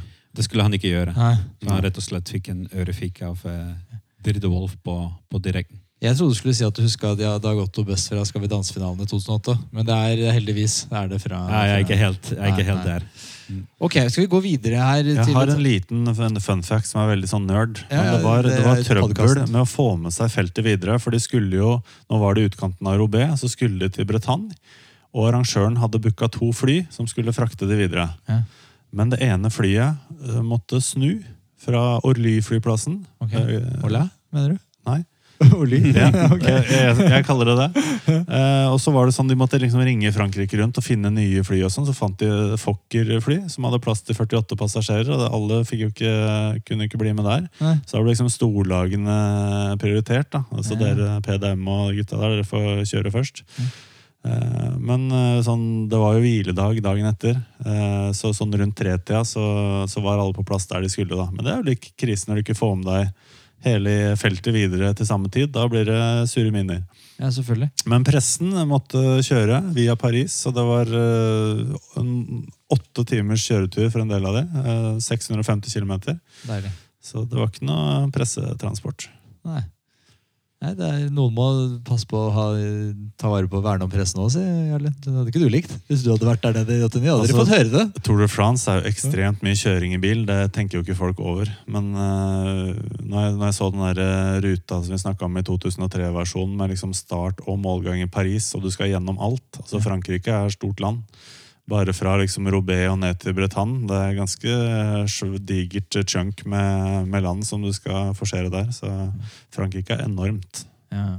Jeg, tror, jeg tror det er mye folk som undervurderer jobben i Tour de France. Eh, så eh, Jarle sitter på den ene siden med, i, med- med media og presse, og så sitter vi på den andre siden. og Det er sinnssykt lange dager. Ja. Så For eksempel å komme til Star må vi alltid regne med en time mer enn vi pleier å gjøre.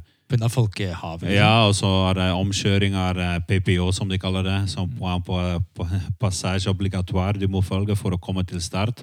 Følger du ikke det, kommer du ikke gjennom. Nei. Så du må ja, Er det sånn- sikkerhetsmessige årsaker? For jeg tenker på, ofte når jeg ser Tour de France, tenker jeg sånn Dette er jo ikke sikkert. Altså, Tilskuerne står jo opp i fjeset på rytterne på, på alle måter. Ikke bare i fjellene, men altså, du er jo så tett på. Og det er uendelig mye folk. i Ja, men det, det, det er overraskende bra organisert. Så helt klart i fjellene nå spesielt. Og det er ikke bare i, i Tour de France når du kommer i, i Baskeland rundt eller i Spania rundt. Ja. Så du bare kjører på tilskuerne hele tida. Ja, De baskerne er jo glad i, og det smeller Ja, litt men de, men du gjør jo det, for de kan ikke stoppe. Ofte er det i bakker som er over 20 Eh, Du kjører med, med ruter foran deg, en ruter bak deg. Ja. Så du må bare kjøre videre. Du kan ikke stoppe. Ja. Så jeg husker ikke siste gang i Welton over hvor mange tår jeg har og så Speilet går i albuene til, til. Ok, vi kjører 10-12-13 km i timen. Det er ikke sånn at de dør av det, men uh, du, du, du, du, Det er ikke noen kul følelse dere vil kjøre på folk uansett. tenker jeg. Nei, men ja. Det, ja. som okay. sagt, vi, vi kan ikke stoppe, men uh, som, regel, som regel går det bra. Men i målområdene og sånne ting er det sinnssykt bra organisert av ISO. Det skal de ha. Jeg har vært på én Tour de France-tappe. Det var i Nîmes i 2005-2006, eller noe sånt. Eh, og det, og det var helt rått. Men det var uendelig mye folk. Mm. Og så, Du ser jo ikke en dritt. Altså, jeg drar til liksom, faen så stas, nå skal jeg få med meg Tour de France. Og står ved, ved, ved målet der, og så kommer de, kommer de forbi. Og jeg husker Det var jo Tor Hushovd var jo god på den tida. Så jeg var ikke bare nysgjerrig, liten pjokk, nysgjerrig på om Tor Hushovd vant lei. Jeg fant jo ikke ut av det før jeg kom hjem og satt på TV-en. For du så jo ikke, så var det noe sånn eh, så Du får jo ikke med deg så mye når du er der da, som fan. Men annet enn livet og røret, selvfølgelig. Som er, Nei, men sånn for oss, vi får det ikke med oss heller. Eh, Nei, så vi, du, du er ikke Du bare ser at det er mye folk når du er helt ute av løpet. Ja. Så når du er ikke med, for når vi sitter i bilen, det er, det er jo et, et krisesentrum, å si det sånn. Du følger med på alt. Eh, Vi har to-tre dataskjermer, vi, vi har TV, du sitter og snakker med rutere, du sitter og snakker med kollegaene, du får in- informasjon, alt mulig. Så du har ikke sett at det står 500 000 mennesker på sida av veien. Nei. Men er du ikke med, og du bare cruiser rundt, da ser du Eller noen ganger får du bare sånn kort blikk, For eksempel, du, du svinger inn eh, til Tourmalet, så kjører du to-tre kilometer. Så når du kommer ut av det første bygdet der, og du ser mot toppen, Ja. sånn, får du sånn blikk, da tenker du shit. Ja. Men så er det tilbake til Ja, ja. det normale, så legger du ikke merke til det. Jeg merka meg én ting, eller det var når jeg var hos Dag, og Dagotto. At han går jo rundt med Seigo-klokke på armen! Hæ? Trodde du skulle si at han går rundt naken. Da. Nei, det hadde vært gøyere å si. Men han, har, han er ikke helt naken. Han har den klokka på armen, men det er ganske gøy. da, så Jeg var jo litt sånn opptatt av å så de matcher litt. Det er sånn. Jeg fikk ikke helt den eh, Klarte ikke helt å få, få sendt det psykisk til han. Men den kjekke, pene, fortsatt unge mannen trenger han mer bling, liksom. Altså, han har jo alt fra naturens side. Ja, han trenger egentlig ikke det. Altså. Ja, men han, men han, det, Han har god kanskje, klokkesmak, da. kanskje er det som gjør det. Men, men eh, vi har jo en seigklokke vi deler ut, vi. Så det kan, folk kan se ut som Dagotto. Kanskje ikke helt som Dagotto. Altså Så solariumsbrun. Da må du jobbe, da. Det må du legge Det er deg i ikke grillen. solarium, det er misforståelse der. Er det ikke Dette er naturlig. Men eh, jøss, men altså, det er jo ikke, han er jo ikke, altså, det er jo ikke melaninen hans som gjør det. han begynner å bli en gammel mann, og da blir du brunere. vet. Mine foreldre òg, de er som uh, skorsteinsfeiere. Ja, men Det er godt å høre. Men eh, hva må man gjøre for å vinne denne, Jarle? Du må gå inn der hvor du finner din favorittpodkast, Stol og Frans, og så må du legge igjen en vurdering og gjerne fem stjerner og sjalabais. Så blir det kanskje klokke på deg. That's it. Og hvis man da vil kjøpe en sånn klokke selv, eller en annen uh, disse dykkerurene som er nydelig. De har jo kommet i den Prospect-serien, så har de noen sånne Jeg, jeg syns den her er veldig fin, da. Jeg må innrømme det. Men de, de dykkerklokkene de har også, de er kanskje litt røffere enn da, i stilen. da. Jeg merker at de er jo litt røff, jeg. Eller hva? Du ler av det? Ja, Du er ikke veldig røff. Ikke veldig røff, jeg er ikke det. Men, men gå til Urmak Christensen, sjekk det ut, uh, og vurder podkasten, rett og slett. Og vinn en klokke til en verdi av nesten 9000 kroner. Vurder i vei. Ok, Vi må hoppe tilbake. Vi er i 1989, etappe fem, første individuelle tempo. Eh, og her Greg LeMond begynner han å vise at han er å regne med for alvor det året her. Ja, Her kommer han inn på radaren. Eh, har egentlig ikke stått der, men han eh, vinner jo tempoen og tar eh, trøya til eh, Acacio da Silva og setter 56 sekunder på Fignon. Men leder altså bare med fem sekunder på Fignon etter etappe fem, fordi at lagtempoen så var jo disse Super U, laget til eh, Fignon, så gode. Skal vi bare banke videre, så er det etappe seks. Også en forbanna lang etappe. 260 km. Igjen går det et spurt. Nei, går det brudd. Hva mye mer brudd på den tida her? Hvor blir det de lange, flate etappene som Cavendish eh, vinner? liksom? De var ikke, noe, var ikke så mange av de her. Nei, det var nok ikke, de hadde nok ikke de lagene da som, som satset så fullt på, på spurt. vet du. Nei. Det har kommet litt senere òg, hvor et lag setter seg fram og hva vi kaller kontrollere, kontrollere løpet. Det var nok litt andre tendenser eh, i den tida. Så eh, Cipollini, var det han kom av? Var det 90-tallet? ja, det er da det begynte litt mer, vet du, med de, med de rene, rene spurterlagene som bare lot brudd gå og kontrollere etappen. Dette som vi ser i dag òg, og som folk oppfatter å, å være litt kjedelig. Men eh, på den andre siden eh, trenger ryttere litt eh, Jeg skal ikke si at de skal avslappe mye, men det, det er ofte velkommen sånne etapper hvor to-tre mann går i brudd. Ja. Fordi det blir, det blir ganske tøft å, å gå for fullt hver dag. Ja. 1989 gikk de fortsatt for fullt hver dag, og så var sjansene for at et brudd gikk inn. Kombinert med at det var mindre antall lag som kontrollerte. Som regel, Laget som kontrollerte, var laget som hadde ledertrøye. Og de gida, la oss si, de, de ga faen. Ja, Det var jo det møkkalaget til Oman. De klarte ikke å kontrollere en dritt. Nei, men uh, man skal ikke undervurdere det laget, så det er jo møkkelag. Jeg, jeg sier litt, du merker du liker ikke at jeg sier det. Men de var jo helt til Nei, men jeg synes det, det, det er sånn Det er to måter å se på lag. Så helt, helt klart det var, et, det var et luftslott, men man må jo ha respekt for de ryttere som, som var der. Ja. De vant til slutt uh, Tour de France, og de vant store klassikere, så det har ingenting med, med ryttere Så helt klart på papiret, dere skal alltid, alltid bli kjent som som de kaller det, møkkalag. Men eh, så Han Le satt jo mye alene. han, han gjør det. Sykla men- i Frankrike alene, basically. der. jeg, jeg tror det var veldig viktig at han eh, Helt klart i fjellene var han helt alene, men det er på sånn type etapper at laget kan være viktigere. Altså, Absolutt. I fjellene er det ofte for seg sjøl, og som det utvikler seg senere, hva vi kommer til, blir det, blir det sånn litt eh, mann mot mann, med noen andre aktører som kom inn, men eh, ikke klarte helt å, å overta den tråden. Så egentlig utviklet det seg til, til en ganske ok uh, tur for, uh, for Lomo. Ja. Så er det jo en del andre flate etapper her som ikke er så spennende. Men skal vi si litt om etappe seks, eller? Ja, hvis du har noe Ja da, Det var jo bruddseier. Joël Peltier han fikk eh, 17 minutter ledelse på et punkt. og Så fant eh, ARD og Panasonic ut at de skulle begynne å kjøre den her. Klarte det ikke. Men mot slutten der så går det en eh, velt. Thierry Marie går ned. Hjelper av Fignot. Lå på tredjeplass i sammendraget. I tillegg så gikk eh, Ronan Pensec fra Zet Peugeot ned i samme velten. Og det samme gjorde Thierry Clavey-Rollat, eh, som satt med klatretrøya. Eh, og han uh, klatretrøya med vanskelige navnet, Clavero, nei, jeg klarer ikke å si det. Claveirola. Han blir uh, forlatt av laget sitt. Du får ikke noe hjelp. Sorry, du velta. Ja. Mens eh, Peugeot-laget sender ned fem mann, som bare kaster seg på det toget der. Men det ender jo med en veldig dårlig dag for Peugeot og Kvålsvold og co. da, For de havner jo elleve minutter bak etappevinneren. Ja. Eh, Og han er jo, Pensek er jo ferdig sammendraget etter det her. Så det var i hvert fall litt drama, selv om det ser ut som en litt kjedelig etappe med bruddseier. Og Ja, ikke sant. Um, ja, det er, det er jo ofte dramatisk. Etappe syv er jo også en sånn lang, lang etappe. 258,5 km. Eh, litt det samme her, at det er liksom eh, veldig vått. Okay. Massivt regnvær. Ja. Eh, Dette, den første vi snakka om nå, var jo den lengste i Toren. Der er den nest lengste. Så den, Mm. den her er 258,5 km lang. Uh, Etienne de Wilde uh, Helt klart, så eneste belgiske etappeseier i, i 1989, så Etienne de Wilde. uh, Ja. Så jeg skal ikke si at han er superstjerne i Belgia, men alle kjenner han.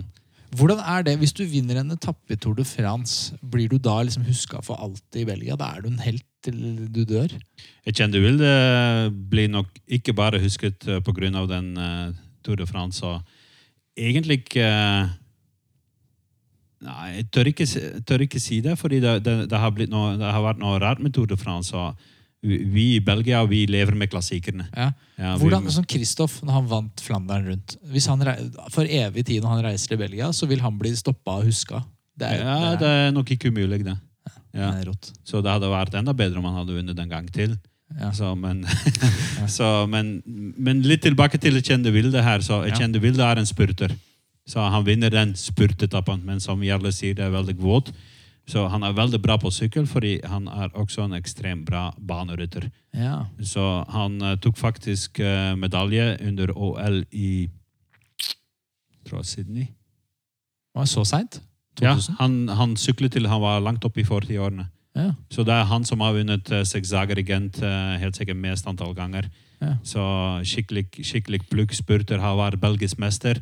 Så han var, han var ikke den som kunne vinne Flandern rundt, men han har vunnet omloppet Nyhetsblad. Mm. Så han kunne ikke bli verdensmester, men han ble belgisk mester. Så vant Mm. han helt sikkert sånn eh, type kermisrøv for proffer hvert år, 10-15 stykker. Så han var en vinner. Ja. Så for han å vinne en etappe i Tour de France var kanskje litt over hans nivå, men allikevel klarte han det. Og det gjør det av Etienne de Wilde den lille ekstra respekterte rytter enn Mm. han var før.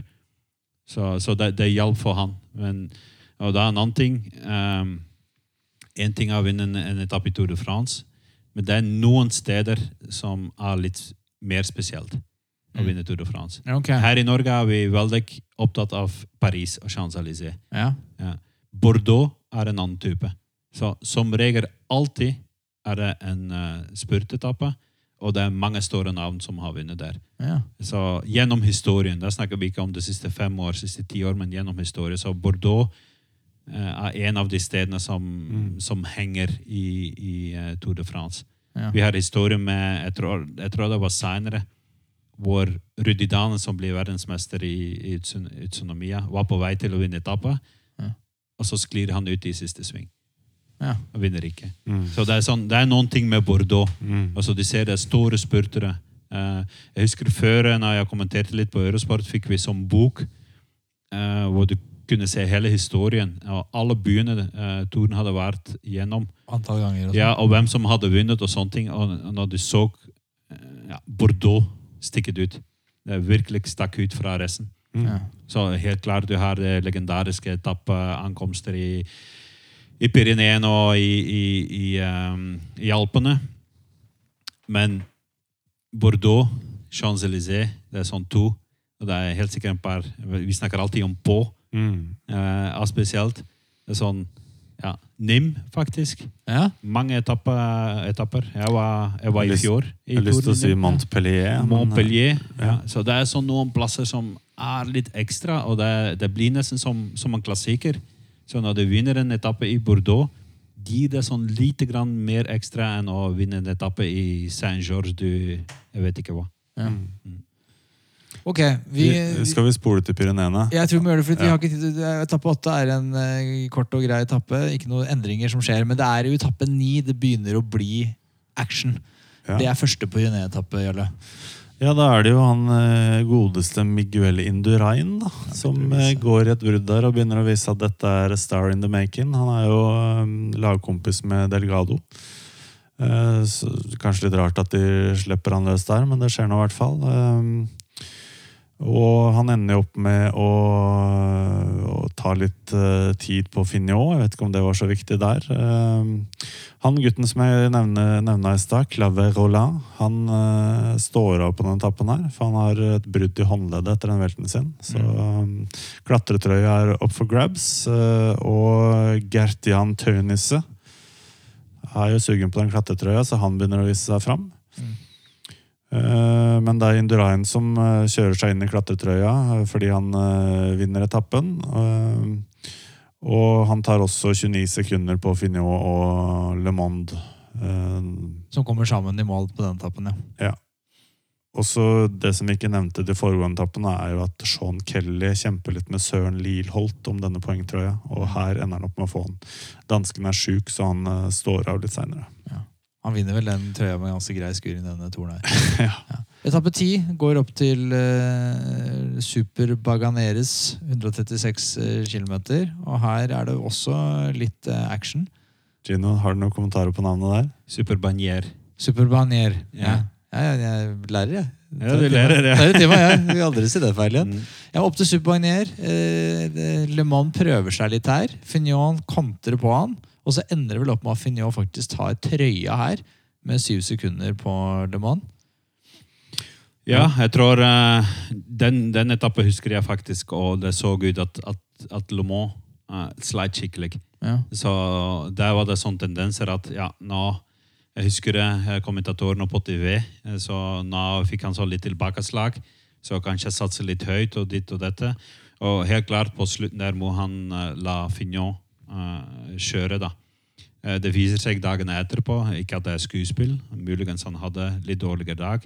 Men det som var viktigst for Limon, er, var faktisk at, at han begrenset skikkelig tatt eh, Mm. tidstap til, til Finjo. Så for han var det egentlig en seier Ja. den dagen. Uh, og så Vi ser at etappen ble, ble faktisk vunnet, vunnet av um, uh, Robert Miller. Pippa York. Ja, Så, Han har jo skifta kjønn og identitet. Ja, ja, ja. Riktig. ja. Og der ser du òg at, at Del, Delgado er jo oppi det, eh, han, er, han, han tar faktisk de, eh, de første to dagene i, i, i Pyreneene på, på, på de andre favoritter. Han har ikke gitt opp. Han har ikke gitt opp. Og han tar mye tid òg her. Og Tønisse overtar klatretrøya fra Indurain. Ja. Så han uh, he's a man on a mission. En annen mann som du ser sniker seg inn der hele tida, og det er, litt, det er litt spesielt Eller spesielt, eh, jeg har noen minner om det, er eh, spanjol Marino Lejereta.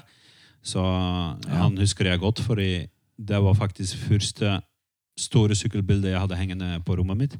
Og det var okay. ikke av Marina Lejereta, men han kjørte på en fantastisk fint eh, Olmo-sykkel. Ok. Olmo, eh, veldig godt kjent nå, men i den tiden var, eh, var det på høyde med det beste vi har i dag. Og da, jeg husker det var en, mørkerød eh, sykkel. Ja. Og det som var litt spesielt med Lejareta, er egentlig en legende. Mm. Fordi jeg, jeg tror, uten at jeg har statistikk på det, men han er den som hadde som vane å kjøre alle tre Grand Tours. Å, ja. Og ikke én gang, men nesten hvert år. Ja. Ja. Så han var Han god lege, han. Han er god lege, han. Ja, ja, så, så han, han er kjent, han er kjent uh, for det. Sinnssykt sinnssykt fint og, og bra ruter. Jeg har en uh, fun fact her.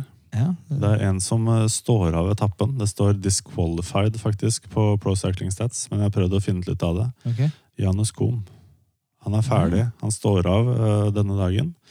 Og jeg snakka litt med Espen Johannessen Lie, som jobber i Pro Cycling, og som jeg syns er litt sånn sykkelhistoriker. Ja. Han kjenner jo litt til historien her. Og så snakka med Atle Kvålsvold. Ja. Eh, og det som visstnok skal være problemet, var at han ønska ikke å kjøre som hjelperytter for Le Monde. Okay. Han er på laget hans, ønsker ikke å være hjelperytter. Ja, hvorfor det? Det er, nei, eh, han hadde vel ganske høye tanker om seg selv, da. Ja, Kanskje ikke bare det, men kanskje det begynner å dryppe litt gjennom at, at eh, laget har problemer. Ja. Men som jeg sa for ikke en par minutter siden, når du ser på statistikken til, til eh, Janus Kum Han er ti eller tolv år proff, og han bytter nesten lag hvert år. Så det kan være problemer hos han. Det er Det- alltid det er som vi pleier å se litt på, faktisk. Eh, hvis, hvis det kommer en rutter eller noen i, i apparatet rundt Mm. som bytter lag, da må det gå opp et, et lite lys. For det er, ikke, det er ikke alltid det er laget sin skyld. Nei. Det er noe som feil. Og jeg syns det er ganske bra synlig hos Janus Skum.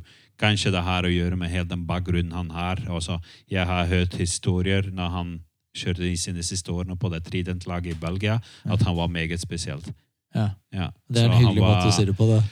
Ja, det er en hyggelig måte å si det på, men han, han, han, var, han, ville, han ville være en bra rytter. Og han hadde Han var jo en god rytter. Må Ja, ha vært ja. han syklet Tour de France. Så. så, men som, som, som Jarle sier, kanskje han, han var litt høy for seg selv, men han, det var alt, alle detaljer måtte stemme. Ja. Så han saget av setet fordi det var ikke godt nok, og, og sånne type ting har jeg hørt, hørt om han. Ifølge Espen igjen, da, så ble han kasta ut av Tour de France og kasta ut av eh, laget.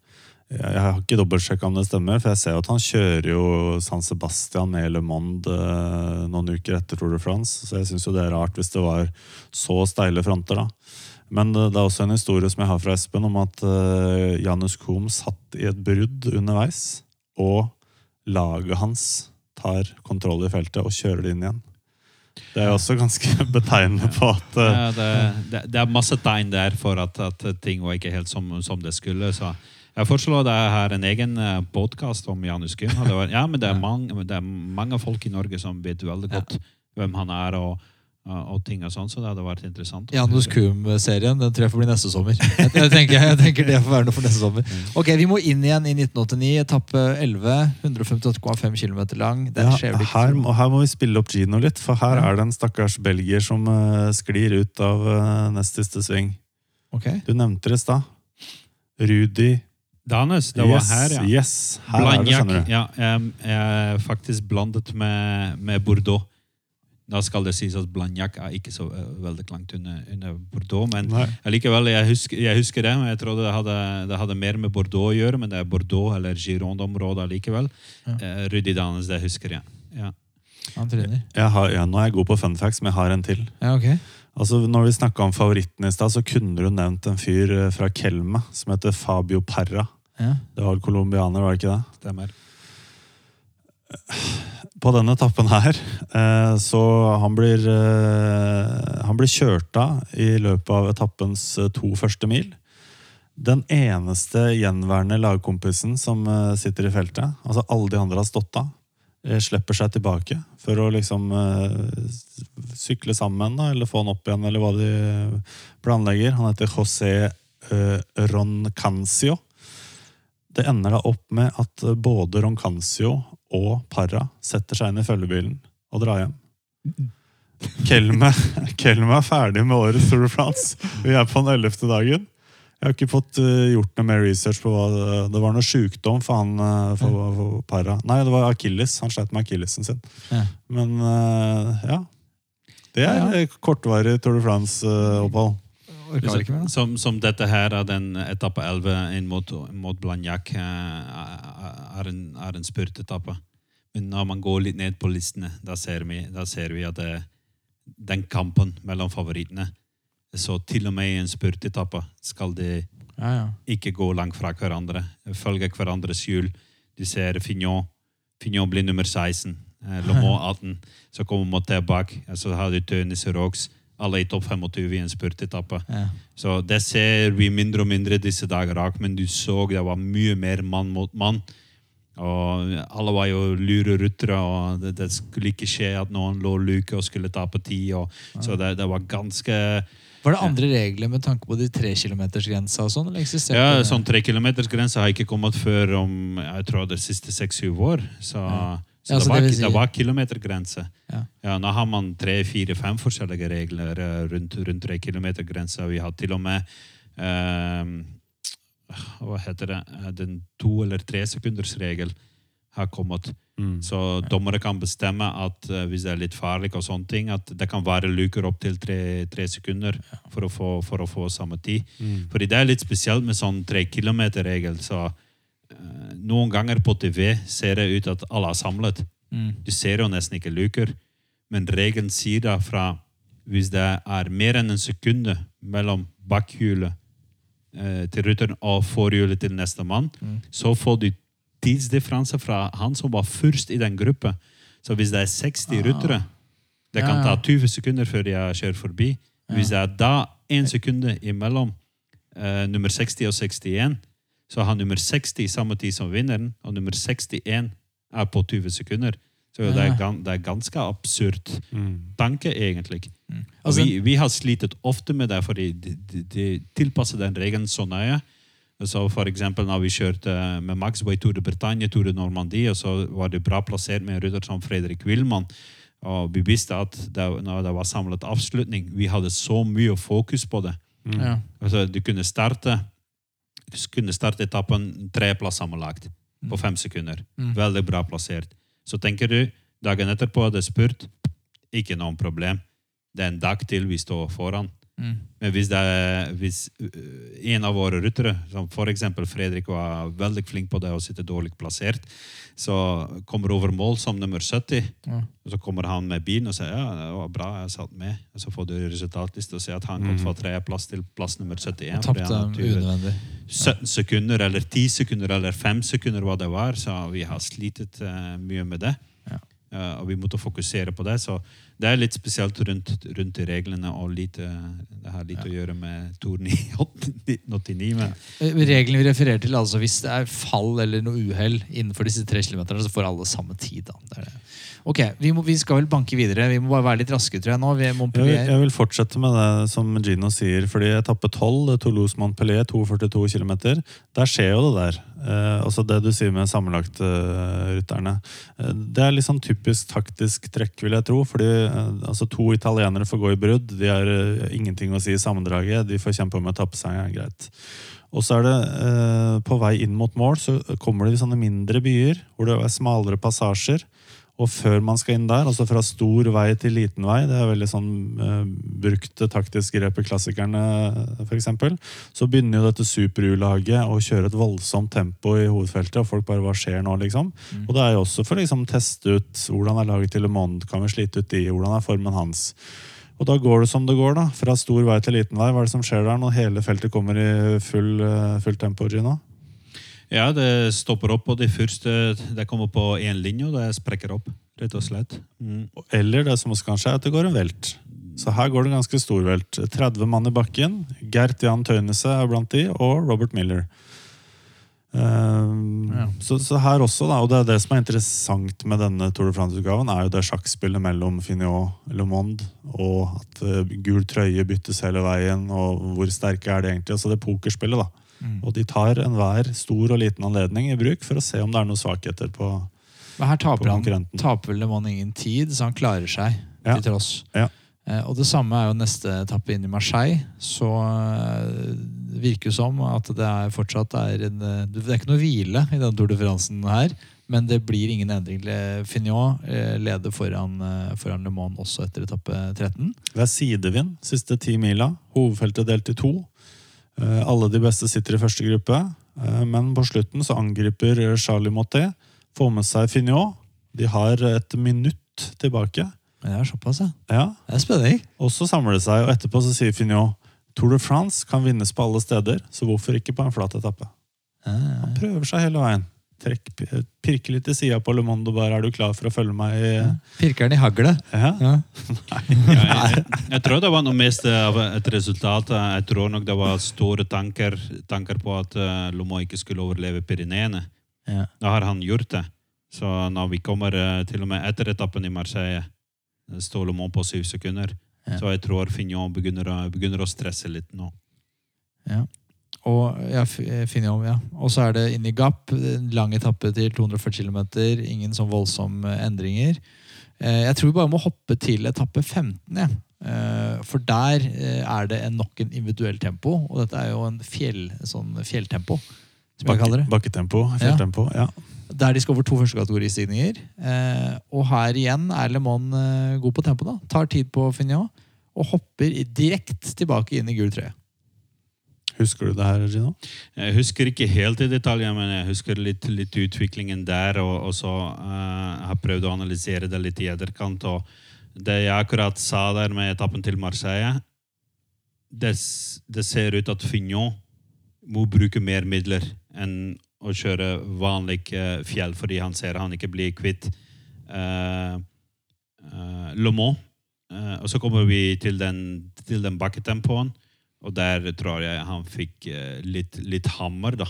Så rett og slett eh, Han, han sleit ut seg selv, rett og slett. Med Ja. de angrepene. Ja, med de angrepene og sånne ting. Og, og så han tror han er uovervinnelig. Og der er kanskje Le Mans litt, litt lurere, og, og så sparer, sparer opp litt. Ikke er rett. eh, er litt sånn cool, coolere enn en, en, en Fignon.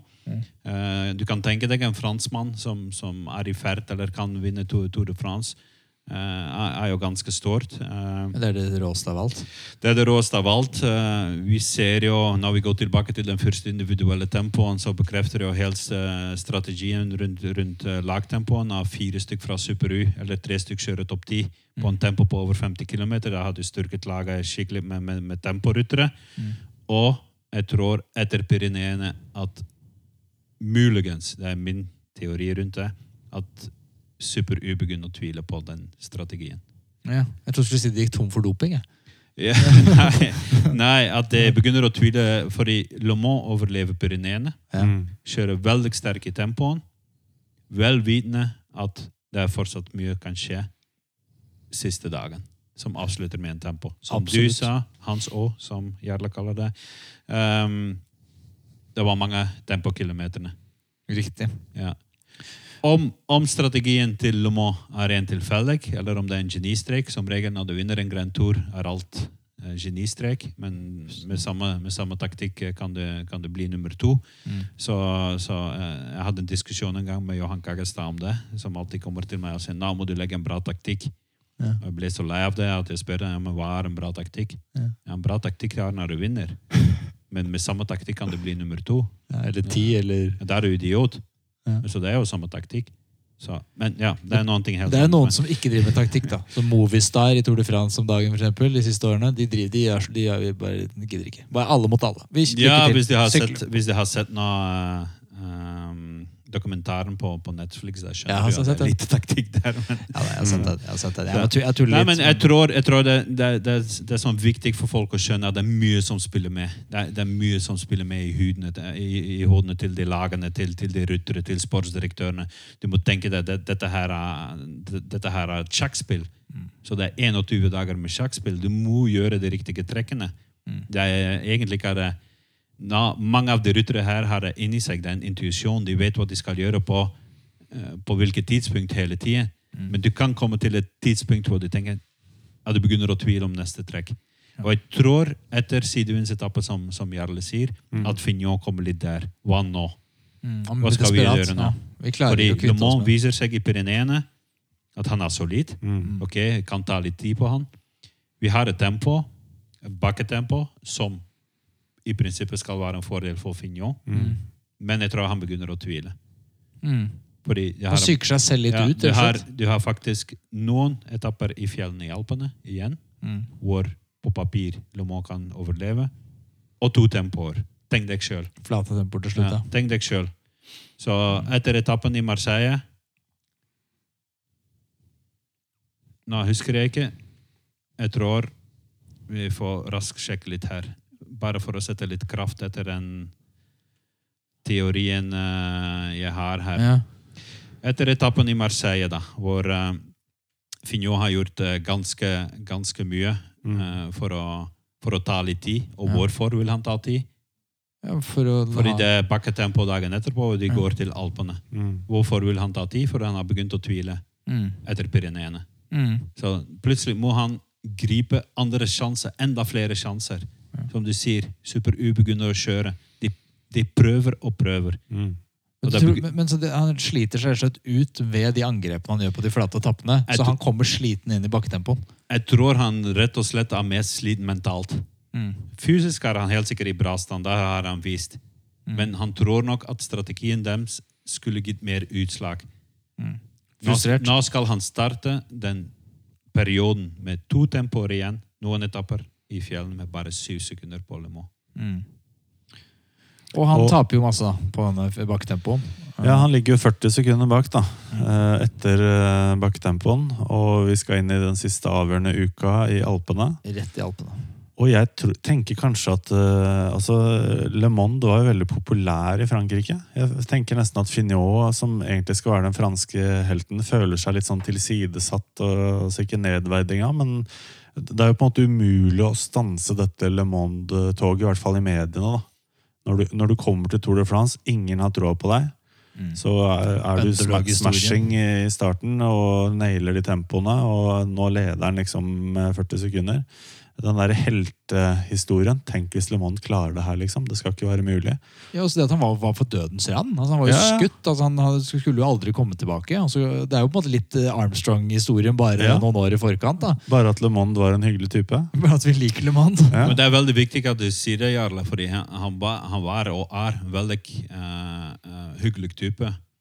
Ikke for å si det igjen, men jeg, jeg møtte han i, i ja. of Guangxi i, i, i oktober. Ja. Han, han, er, han er superhyggelig fyr. Eh, og dette, hele den, den teorien vi går gjennom her med Fignot Fignot begynner å stresse. Ja. Og så det gjenspeiler seg i media òg. Fignot er ikke akkurat han som, som snakker mest. Så du, du kaller han uh, litt spesiell, ser, ser litt annerledes ut enn de andre. og sånn. Plutselig begynner han Ikke plutselig, han alltid være sånn, men han er litt innelukket. Og det er jo så, det kan du svare uh, helt sikkert bedre på enn jeg gjør, Jarle. Men det er jo hyggeligere for en journalist å snakke med hyggelige folk. Så den popular, populariteten til, til Le Monde, den, den går ikke ned.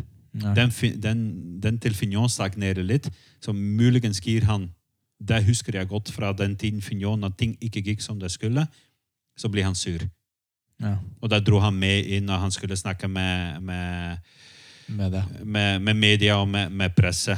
Og du ser hele den, den måten eh, Le Mans har kommet gjennom turen til nå. Det er jo å være konge. Ingenting Ja. å tape. Gjøre bra, ok. Taper litt. Kjøre bra tempo.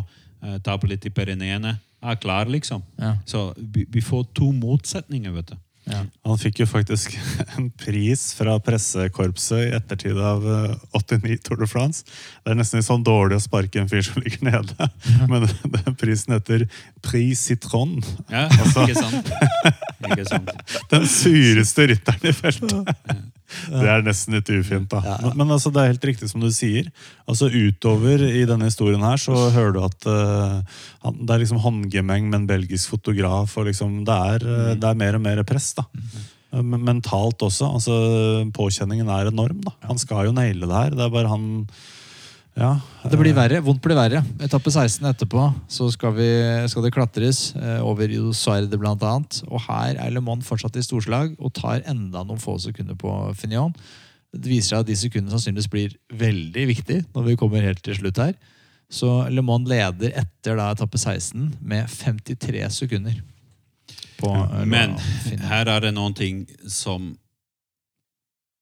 ja, Jeg er ikke sikkert. Jeg har ikke, jeg har ikke bevis på det. Det som er sikkert, er når vi kommer i Paris, er Fignon skadet.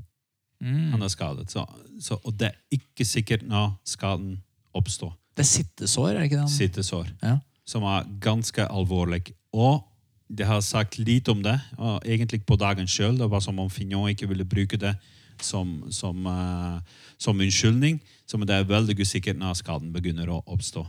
Så det, det kan være ikke, her, ja. Det er ikke umulig at rundt den perioden her at det kommer fordi en sittesår kommer ikke over natt.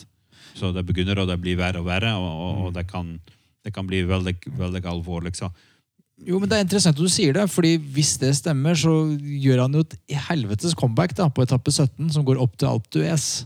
For her er jo Fignon for alvor på offensiven. Angriper, får med seg Delgado. Eh, og for meg, når jeg, når jeg så det på YouTube, tenker jeg at dette er sånn comeback av typen Floyd Landis. Altså Dette er mistenkelig godt comeback. Ja, men det, er, det er derfor jeg er veldig tvil om, om, om skaden spiller med. Det kan være begynnstadium av skaden også, og si ok, ja, de, de bruker uh, muligens uh, litt salve, litt kortison, sånne type ting, for at han kommer seg bedre. Men det er jo begrenset hvor mye kortison man kan ta. Så, så jeg vet ikke om det spiller med, men jeg tror ikke, hvis, hvis den skaden har, begynt uh, å oppstå, at det ikke gjør Fignon noe det. Iallfall. Men, nå hoppa jo du til 17, egentlig, men på etappe 16, da. Eh, Fignot, Rokes og Moté eh, angriper alle og prøver å sette Le Monde under press. Eh, opp eh, Col de Vars. Eh, men så på vei ned derfra så angriper Le Monde, for han er jo visstnok jævlig flink til å kjøre nedover. Han er, han er det. Han er en, en spesialist, å si det Og sånn. det er jo der han kjø øh, kjører fra Fignot. øh, og når de skal inn til siste fjellet, dunke videre tempo ikke sant, gjennom slettene der, så er Fignot på defensiven. Det er derfor han klarer å ta noen sekunder til slutt. Ok. Og vinneren av etappen, Pascal Richard. Så sveitseren som er faktisk den første olympiske mesteren som er proff. Ja. Ja.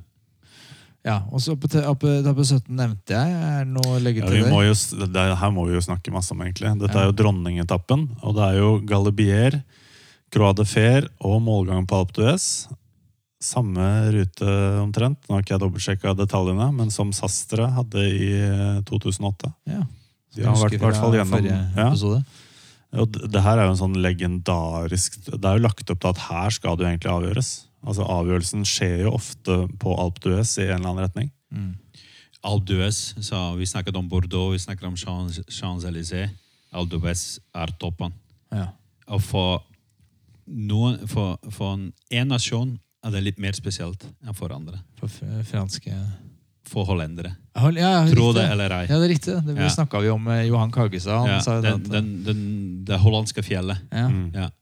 Så jeg tror halvparten av Nederland reiser ned til Alpe d'Huez for å se. Så tenk deg, du har, du har dronningetappen, du har ankomst på, på Alpe d'Huez. Her skal Tour de France avgjøre, og så er det en nederlender som vinner. Og hvem angriper på Galibier? Det husker jeg ikke. Jo da, det er han som vinner. Ja, ja, ja det, sa, det er en nederlander som vinner. Ja. Gert-Jan Tønese. Ja. Mm. Skikkelig I langdistanserakett. bakketrøye. Ja. Stemmer. Konsoliderer den på toppen av APTS. Men jeg husker ikke han så godt, jeg. Men eh, han er jo sånn ponytail-fyr, han også. Ser Mm. litt sånn uryddig ut. Ja. Temperamentsfull eh, ser jeg for meg, men hva slags type er det her? Ja, å si det sånn, da Fignon fikk eh, sitronprisen. Vet jeg ikke hvilken pris de skulle gi til han. Eh, fordi han snakket ikke. Ja, Veldig stille, veld, veldig innelukket. Alltid rundt Råks. Det var Ja. sånn tospann. Steven Råks, Hertan Tønese. Det blir nesten aldri eh, nevnt i en setning. Ja. Så jeg kjenner, jeg vet han har holdt seg i syklingen etterpå. Mye på terreng, litt coaching og sånne ting. Men eh, ja, jeg tror han sliter litt eh, sosialt. eh, Skal ikke ringe han for å være med på podkasten, tenker du? Ja, du kan prøve, men det blir ganske stille. Det blir stille, rolig podcast, Så, ja, så han har kjent, kjent litt for det. Så, så for han, jeg tror det er nok hans største brakt han, han har gjort i sin karriere. Og som sagt, for en hollender er det ekstra stort. Det er alltid stort for hver eneste rytter i verden å vinne, å vinne Alpe d'Huez, men dette er absolutt klassikeren i, i fjellene å vinne. Å vinne det som nederlender, da, med, med titusenvis av ned, nederlendere som står i Alpe i bakketrøye, konsolidere den, var jo, var jo ganske stort. Men jeg så han ikke smile for den grunn. etterpå, si sånn. Og så er det selvfølgelig duellen da, Fignot-Le Monde. eh, Første serpentinesving, angrep fra Fignot. Le Monde eh, sitter på, og så prøver de to-tre ganger til. Le Monde henger på. Eh, Så har jeg lest en historie her om eh, må du sikkert hjelper meg med navn, men det er en eh, kanskje legendarisk sportsdirektør i Super-U som også kjenner Le Monde fra tidligere. Helt klart, så når Le Mans vinner sin første Tour de France, og, navnet du leter etter, er Cyril Guimard, Yes. eh, så som du sier, den mest legendariske sportdirektør eh, etter Marc Maggio. Nei, men eh, veldig kjent eh, sportdirektør, og sportdirektør til Hinot når han vant sine Tour de France. og sånne ting, og så kjenner, kjenner som du sier, eh, Le Mans veldig godt. Ja. Og du kan fortsette. Nei, han sier jo Le Mans er på stålet. Le Mans er på stålet, Bare vent litt, liksom. Ja. Og så Det er veldig kult beskrevet. Jeg har lest en artikkel hos Cycling Weekly som har bare gått gjennom den turen her, eh, turen her i det uendelige. Ja. Og De skriver at når da Super U-bilen kommer opp til den gruppa, når det er sånn fem kilometer igjen, da er det trøbbel. For da kommer det noen beskjed fra sportsdirektøren. Så fire kilometer da, så klinker jo Finot til igjen og får med seg Delgado. Ja. Le Monde er ferdig uh, og blør skikkelig. På fire kilometer så taper han 1,19. Ja. Så gutten var virkelig på stålet. Så igjen da, så kan du jo få toren bli avgjort på Alp d'Huez. Det ser jo kanskje sånn ut. Mm. Men Ja, den gang ei. Men den gang ei. Jo, men det, igjen, det, det, det, det, det sier jo alt om den kampen. vet du, og den måten, Alt, alt hva Finjå måtte gjøre for, for å klare å vinne Tour de France. Og her ser det ut at han setter spikeren i kista for, for Le Mans. Og var helt sikkert litt blidere når han kom på, på toppen av Alpe d'Huez, men eh, som, som vi alle vet uh, Så smilte han ikke. For det drev han ikke med. nei, Han snakka ikke med media. Turen er ikke, er ikke slutt her. Ja, jeg vet. Ok, Jeg prøver å dra oss videre her febrilsk. Dere er jo to orakler på, på kunnskap. så vi må, vi må prøve å få opp tampen her. for Vi må komme til den finalen hvor det virkelig blir spennende. Men en er 18 ikke- så er det fortsatt spennende. Det er fortsatt spennende på etappe 18. Ja. Det ordet er ditt. Nei, du har egentlig samme situasjon.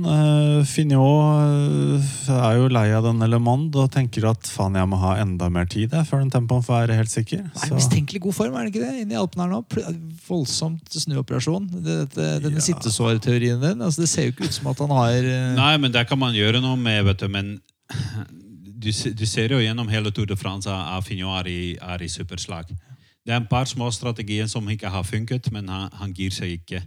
Eh, som sagt, Det er helt sikkert en, en hel del eh, bakgrunnskunnskap eh, rundt Le da, fra, fra sportsdirektøren hans Cyril Gimar, ja.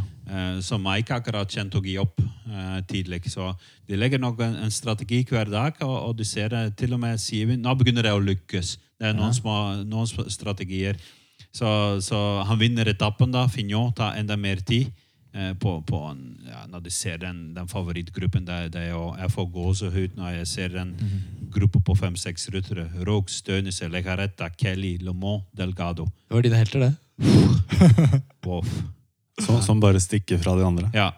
Så, så løpet, løpet er for det første ikke over. Fullt i gang. Du ser BDM kjører med fire stykker i topp ti. Ja, Så, så det er egentlig Vi har snakket mye om den duellen uh, Fignol men du ser hvilke ryttere som er egentlig sitter der på den andre linja klar. Ja. Så jeg tror det må ha vært en sinnssykt stresserende uh, Tour de France for, for, for Fignon å Ja. overleve det.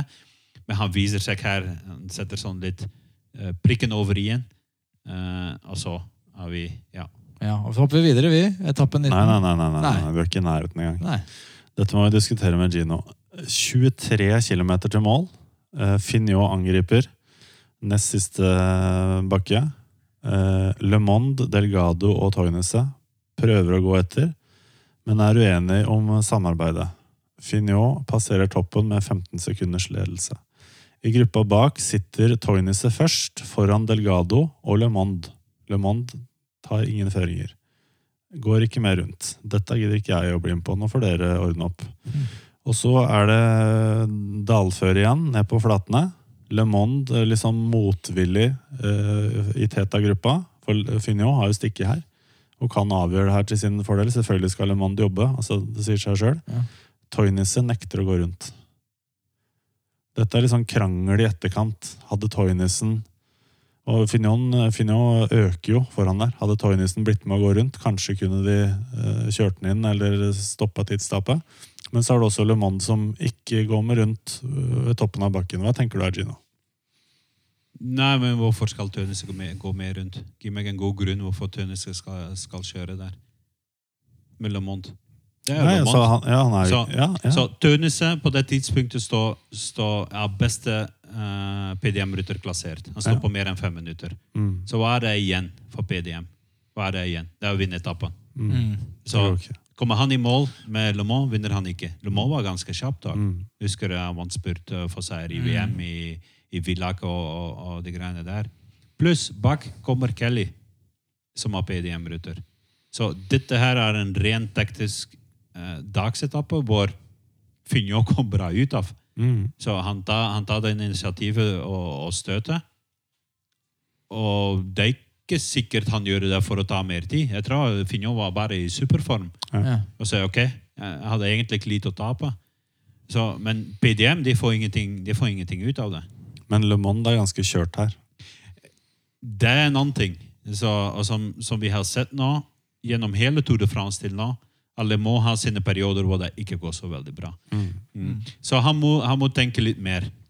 Så han tenker faktisk òg at det er større sjanse å miste mindre tid når det bare kommer tilbake. Ja. For der sitter da Steven Rooks, Mm. sitter Tønese og sitter Sean Kelly, Mm. som er raskeste av hele den gruppa. Ja. Så hvis PDM vil vinne etappen, er det ingen vits at, at Le Mans begynner å kjøre der. fordi Ja. den eneste måten for Tønese å vinne etappen er å kjøre fra de, fra de andre. Så hvis Le Mans begynner å kjøre med Tønese på hjul, med tanke på å Ta igjen Finot. Det er. Fignon, Mm. Så kan han kjøre seg helt ferdig. Mm. Tønese kan angripe. Finjo kan være med. Og I stedet for å miste 16 sekunder, så Ja, kan han miste miste 1,5 minutt. Så dette, dette er rimelig avansert taktikk. så Det er hva jeg tenker nå. ja. Men det sitter, hvis sitter sportsdirektøren og, og, og planlegger litt sammen med rytterne. Da. da sitter man og snakker med rytterne underveis. Er sånn, jeg skal si deg, Å komme på, på den greia akkurat der og da, Ja. Da er du, da er du jækla god. Så, men uh, det er nok ofte i etterkant at man kan analysere seg til sånne ting. Dette er med ruttere som Le Mans, og det ser vi nå gjennom Tour de France, det bekrefter det, at han har en intuisjon Ja. som setter ham på de sporene. Ja. Kanskje det var tilfeldig, kanskje han var ferdig og sa ja, jeg klarer ikke. Ja, og så, det ser du ofte i de siste tre-fire dagene i en Tour de France, at det plutselig blir det mange interesser. Mm. Det blir, når du har første dag, første uke i Tour de France, det er mange interesser òg. Men det er ikke noen forsvarinteresser. Nei. Det er bare offensive interesser. Når man kommer til de siste tre dager, som regel ordner ting seg av seg sjøl. Mm. Det er et lag som kjører for bakketrøya, Det er et lag som kjører for poengtrøye. Det er et lag som kjører for etappseier. Det er et lag som kjører for lagklassering, til og med. Og det er veldig viktig når det kommer i den siste uka av en Grand Tour, at du har alle de sakene i huet. Også, det, er, det er da vi begynner virkelig å gå inn i resultatlistene og se om det er fortsatt et lag som kan vinne lagklassering. Hvordan ligger det an i poengtrøye? For alle de faktorene kan påvirke hvordan løpet utvikler seg. Noen ganger sitter du på TV og sier Hvorfor, hvorfor begynner laget å kjøre sånn? Jeg lover deg, det er alltid en grunn. Det er alltid en grunn. Og det ser du mye mer i de siste, siste uke, siste dagene. Det kan være en ungdomsdrøy, alt mulig. Kanskje, kanskje det er en rytter som bor på plassen hvor det er ankomst. Sånne type ting. Og det er alle de faktorene som du må ta med. vet du. Og som jeg ofte ser, er at ting, or ting ordner seg av seg sjøl, egentlig. Fordi alle, de- alle de faktorene påvirker hverandre på sånn måte at det går den veien du vil ha det. Og det, det kan være tilfeldig, men det kan også virke som en supertaktikk. Så jeg er litt usikker at Le Mans sitter og tenker alle de tingene vi har vært gjennom. Det er godt mulig, det vet vi ikke. Det må vi spørre han. Men det er noe interessant med det du sier, at de beste rytterne har en slags intuisjon. De, bare, de, de, bare, de gjør sjelden feil. da. Det var jo samme Lance på topp når han herja. så Han tryna ikke når, når han var på en måte, han klarte å overleve. Da. Han gjorde de rette tingene i 2003, som vi snakka om med Johan. Så gjør han hele tiden. Han, han holder an når han må, han er på pletten når han skal. Han har den intuisjonen, den vinnerskallen. Det er akkurat den biten som er absolutt mest vanskelig å forklare til noen. Det, det, vi, vi snakker om det til daglig på laget. Ja. Hvem er den største vi- vinnerskallen i NTT? Som på en måte har den intuisjonen? Edvald. Nei. Nei. Han, har, nei, han mangler litt. Han har mye av det. Mm. Så, men vi snakker mye om en ønskerytter. Mm. En ønskerytter. For en sportsdirektør, en ønskerytter er en rytter som vet alt. Ja. som ikke, trenger, ikke tenk, trenger å tenke. Ja. Altså, altså, vi Hvem er det nærmeste du kommer en ønskerytter i dag? I dagens sykkelfelt? Ja, det, er- ofte er det, det kan være en ungdom som bare har det. Så mest, Petter Sagan? ja, jeg tror ikke sånn helt heller. Han er såpass god. Kanskje, Jo, han har en del av den intuisjonen. Ja. Så han vet når han skal gi det to ekstra mer tr eh, tråkk for å sitte i riktig posisjon, uten at han tenker over det. Så du ser ofte spurtere, klassiske ryttere, har det mye mer. Mer. Du trenger det mye mindre i fjellene. Ja. Men sånn, altså, det, egentlig forventer vi at alle ryttere på, på det toppnivået, som spiller i Champions League eller World Tour-nivå, har det. Mm. Men de har ikke det. Og hva vi ser, er at det henger ofte sammen med, med tradisjon, med måten du vokser opp inn, inn i idretten. Så hvis jeg kommer i, i langrennsmiljøet, Ja. jeg vet ingenting. Ingenting vet jeg. Ja. Så jeg skulle kjøpe meg langrennsski, og jeg sto der som en tulling. Ja. Han, han spurte hvor mye jeg veide. Ja. Og, Og du sa det har du faen ikke noe med? Ja, Akkurat der og da. Det er sånn jeg tenkte. Ja, Så hadde vi ikke kommet til smøring engang. Jeg hadde aldri hørt om smøring. Så, ja, men du ler. Men sånn er det, er det tusenvis av ting i sykkel Ja. som vi bare har fått med oss. Det, det, det er bare sånn vanlig, som for er langrenn er vanlig. Og, og, det, det er små detaljer, det er ting akkurat hele den eh, potensielle taktikken vi, snakker her om, om én etappe. Ja. Det skjer kanskje 100 ganger i et sykkelløp. Ja, underveis òg, ja. Underveis, hva du skal gjøre, og hvorfor. Ditt, Du har vind, du har alt mulig. Du har, ja, det, er, det er sinnssykt fascinerende. Og kjempespennende. Det er det som er spennende med det. Det er-. Det er som gjør sykling så, så mye kulere enn mye annen sport, er det taktikkeriet. Og at det sitter en person i bilen som også er ganske viktig for den seieren. Da. Og at hele laget spiller på rad. Det er, det ikke bare én person. Det er ikke Klæbo som bare gikk raskest, da, for han er råere i form enn alle de andre. Det er, så mye, du kan, det er ikke nødvendigvis det som er i best form, som vinner. Fordi, fordi vedkommende ikke nødvendigvis er den beste taktikeren, eller har det beste laget, eller har den beste sportsdirektøren osv. Nei, Det er derfor jeg gjør den jobben her. så Jeg syns det er kjempefascinerende. Jeg synes det, er, det er så morsomt. Det er, som sagt, det er, det er som et sjakkspill. Ja. Men det er vel det er en stor fordel når den sjakkbrikka kan tenke litt sjøl. Ja, absolutt. så, absolutt. og der har du Ja. ryttere. Ja, ja, jeg, jeg, jeg, jeg prøver jo å dra oss videre hele tiden her. Skal vi hoppe til etappe 19, Jarle? Nå må jeg dra dere videre. Vi kan bare si at uh, til slutt da, så får Finjå 24 sekunder. Eh, han hadde 45 sekunder å gå på inn i den siste bakken på 3 km, men putter 24 sekunder i sekken på Le Monde. 50 sekunder. De fleste trodde at årets Tour de France var avgjort. Ja. Men en ting som jeg var inne på i stad, jeg blanda litt etapper. Etappe 19. Der går det angrep eh, opp eh, Jeg tror det er første fjellet. Eh, nei, det er ikke det. Det er eh, andre fjellet. Men da eh, Det er eh, Delgado Le Monde som angriper Fignot. Og så ender det opp med at de fire beste sammendraget, pluss din favoritt, Marino Lejaretta, stikker. Mm. De beste rytterne bare stikker, og de kjører tre fjell sammen inn til mål. Yes. Ja. Det ser man ikke i dag. Nei, altså jeg ble Eller du kan jo se det, men kanskje ikke en sånn etappe man venta at det skulle skje på. da. Mm. Men det er, jo, det er jo fantastisk god TV. Der har du liksom konfekteska som sitter foran der. og Ja. Ja, Det skjer jo kanskje ikke sånn sinnssykt mye De kommer jo samtidig til mål, da. Ja.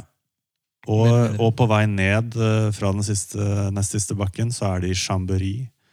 Der hvor Le Monde skal ta VM-tittel igjen eh, i august samme år.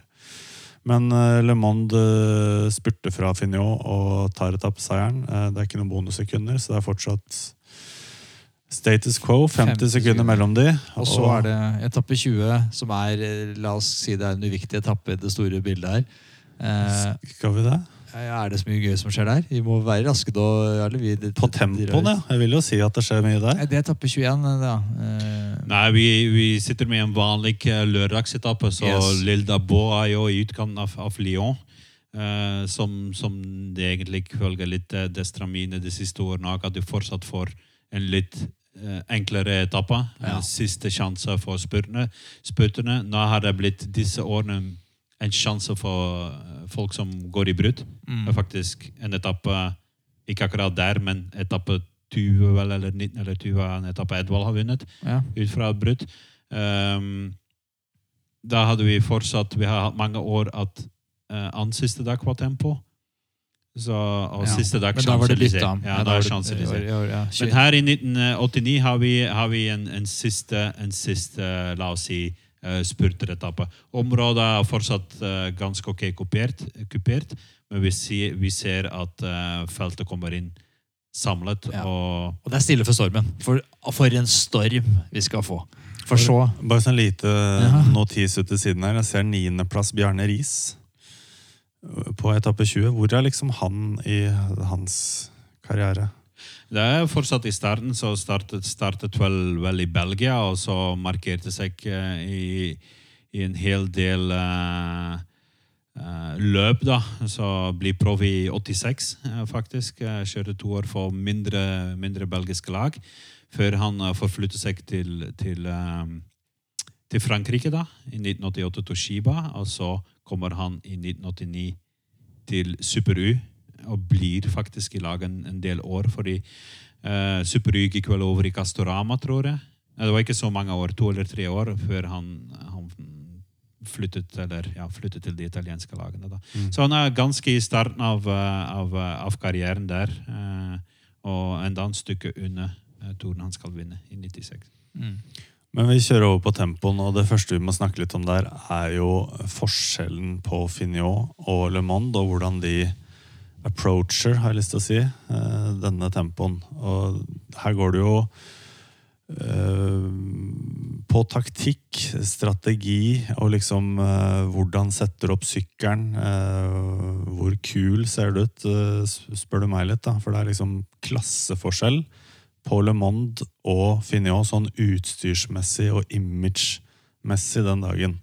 Han har blant annet et spesielt styre, og det der kan du mer om enn meg, Gino, men det styret der, det bruker han også på den første individuelle tempoen. Og jeg har lest at strategien var å komme liksom tidlig til han som skulle godkjenne utstyret. Ikke la alle de andre se det her, bare si vi skal kjøre med den. Det er greit. Det, det fikk de aksept for. Han brukte den på tempoen og tok jo masse tid på konkurrentene. Eh, Fortell litt om uh, hva han gjør med sykkelen sin i forkant her. Gina. Jeg, jeg, jeg synes først sånn litt generelt, vet du. Fordi vi, vi kan ikke se bort fra at, at sykkel har vært en tradisjonell idrett over mange, mange år. Og det er faktisk amerikanerne kom, som kommer med, med sånn type ting. Innovasjon, liksom. inni- Innovasjon, ja. Så, så det første var jo terrengsykler. Så det er ingen som ville ha terrengsykkel i Europa. Det er Ja. amerikanere som, som kom med det. Mm. Du ser hvordan det har utviklet seg. Eh, Det, det har utviklet seg. Og det er det samme med Begynte å gjøre testing. Med aerodynamika og sånn type ting. Vindtunneler. det- Vindtunneler Le eller andre måter, men de fant ut at det er mange måter du, du, du, mange ting du kunne gjøre for å, for å sykle fortere. Mm. Mm. Og Le Mans hadde, hadde begynt med det. Sånn typisk amerikansk. da. Mm. Så noen ting tradisjonelle eh, europeiske sykkelmiljøer har, har ventet litt med. Det har vært mer basert på, på tradisjoner og, og, og på sjåvinisme, la oss si det sånn. Men så kommer amerikanerne. Og det er derfor at, at senere vi ser så mange ikke-europeiske ruter i, i toppen. For de har hengt seg på, på teknologien og, og, og ting som Det har hentet, hentet Europa, inn på noen få år. Litt samme med britene har. Man kan jo si det samme om Team Sky. Det har også vært litt bakgrunn for deres suksess. Det har vært det fokuset på å jage marginer. da, Istedenfor å De ser ikke stiligst ut, og de gjør ikke det Ja, det er sånn, det er sånn historie som henger De har dratt seg ut av det tradisjonelle. For, fordi egentlig, la oss si for, for 20 år siden, eh, 25 år siden, var, var sykkel enda mindre populært i England enn, det var i Norge på den tid. Så det, det har vokst fra seg og har virkelig hoppet på, på, på dette som gjør at, at man kan uh, sykle mye fortere uten at man må ta medisiner. Um, men Le Mans var en av de første. og så uh, Triatlon hadde begynt å komme, og man hadde sett der, eh, som var mye mer vitenskapelig eh, enn en, en sykkel.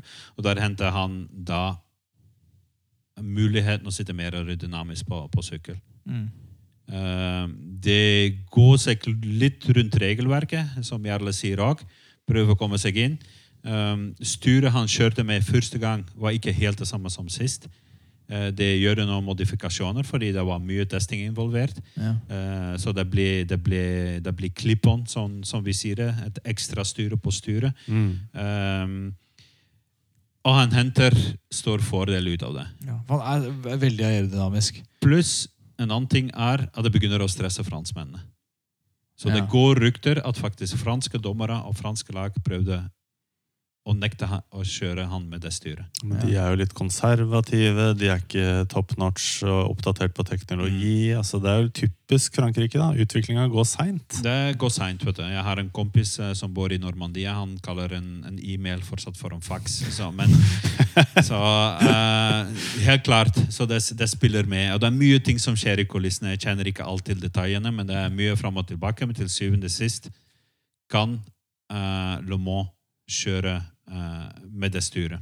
Og han kommer med aerohjelm, han har kule solbriller, og så kommer den der hippien uten hjelm. Og... Altså, Fi- er jo, ser ut som et, basically et seil som sykler rundt i Paris der. Altså, han er jo alt annet enn aerodynamisk. Han har Ja, briller som går utover hodet. Han sitter med et, brei, et ekstra breit styre, sånn som jeg så på YouTube. Det er alle ting du kunne betalt de europeiske ryttere mye penger for, ikke hadde gjort. For alt var basert på, på tradisjon Ja. Og, og sånne ting. Det er egentlig Le Mans som, som endret helt den, hele den tendensen. Ja. Han, han bare dreit i det. Han Han vil bare sykle fort. Han var super um, interessert i, i sånne type ting. Så stå mye lenger enn en resten. Uh, det er jo også en av de første amerikanere sammen med Hamsen og sånn, som kom til Europa og virkelig gjorde noe stort. Et, eh, nå I dag er det jo ganske normalt. En amerikaner kan vinne Flandern rundt. Ja, ja. Hadde du sagt det for 30 år siden, det hadde bare lett ut alle sammen. Så det, ting har endret seg. Og hastigheten er jo et stikkord her. Altså Le Monde har jo 55 ganger 12 utveksling på gira sine. Han har jo styla sykkelen og gjort det han kan, og tempoen er litt sånn eh, fra Versailles da, og ned til Paris. Litt sånn, det er mye nedover. Altså, dette er skikkelig høyhastighetstempo. Eh, Han vet jo at han må jo snitte over eh, 50 km i timen. Eh, Det var ingen som gjorde det på den tida. Han må ta litt over to sekunder per kilometer. Ja. Altså, han skal jo ikke klare det her. Og så setter han 54,5 km i timen i snittfart. Altså, det hadde man jo ikke sett på den tida her. Han fløy jo bare. Og, og det er jo der eh, Han ville ikke ha sekundering underveis. Han fikk ikke noe info hvordan går det liksom. Hvordan, han ville, ville ikke ha noe info. Han ville bare kjøre alt han hadde og se hva det holdt til.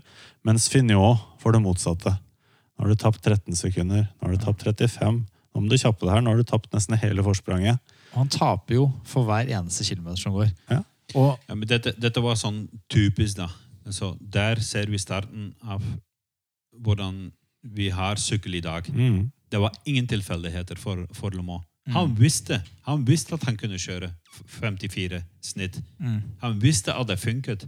Han, alt var jo forberedt. Han hadde fullt råd på alt, alt han drev med. Så stikk motsatt av Finjo.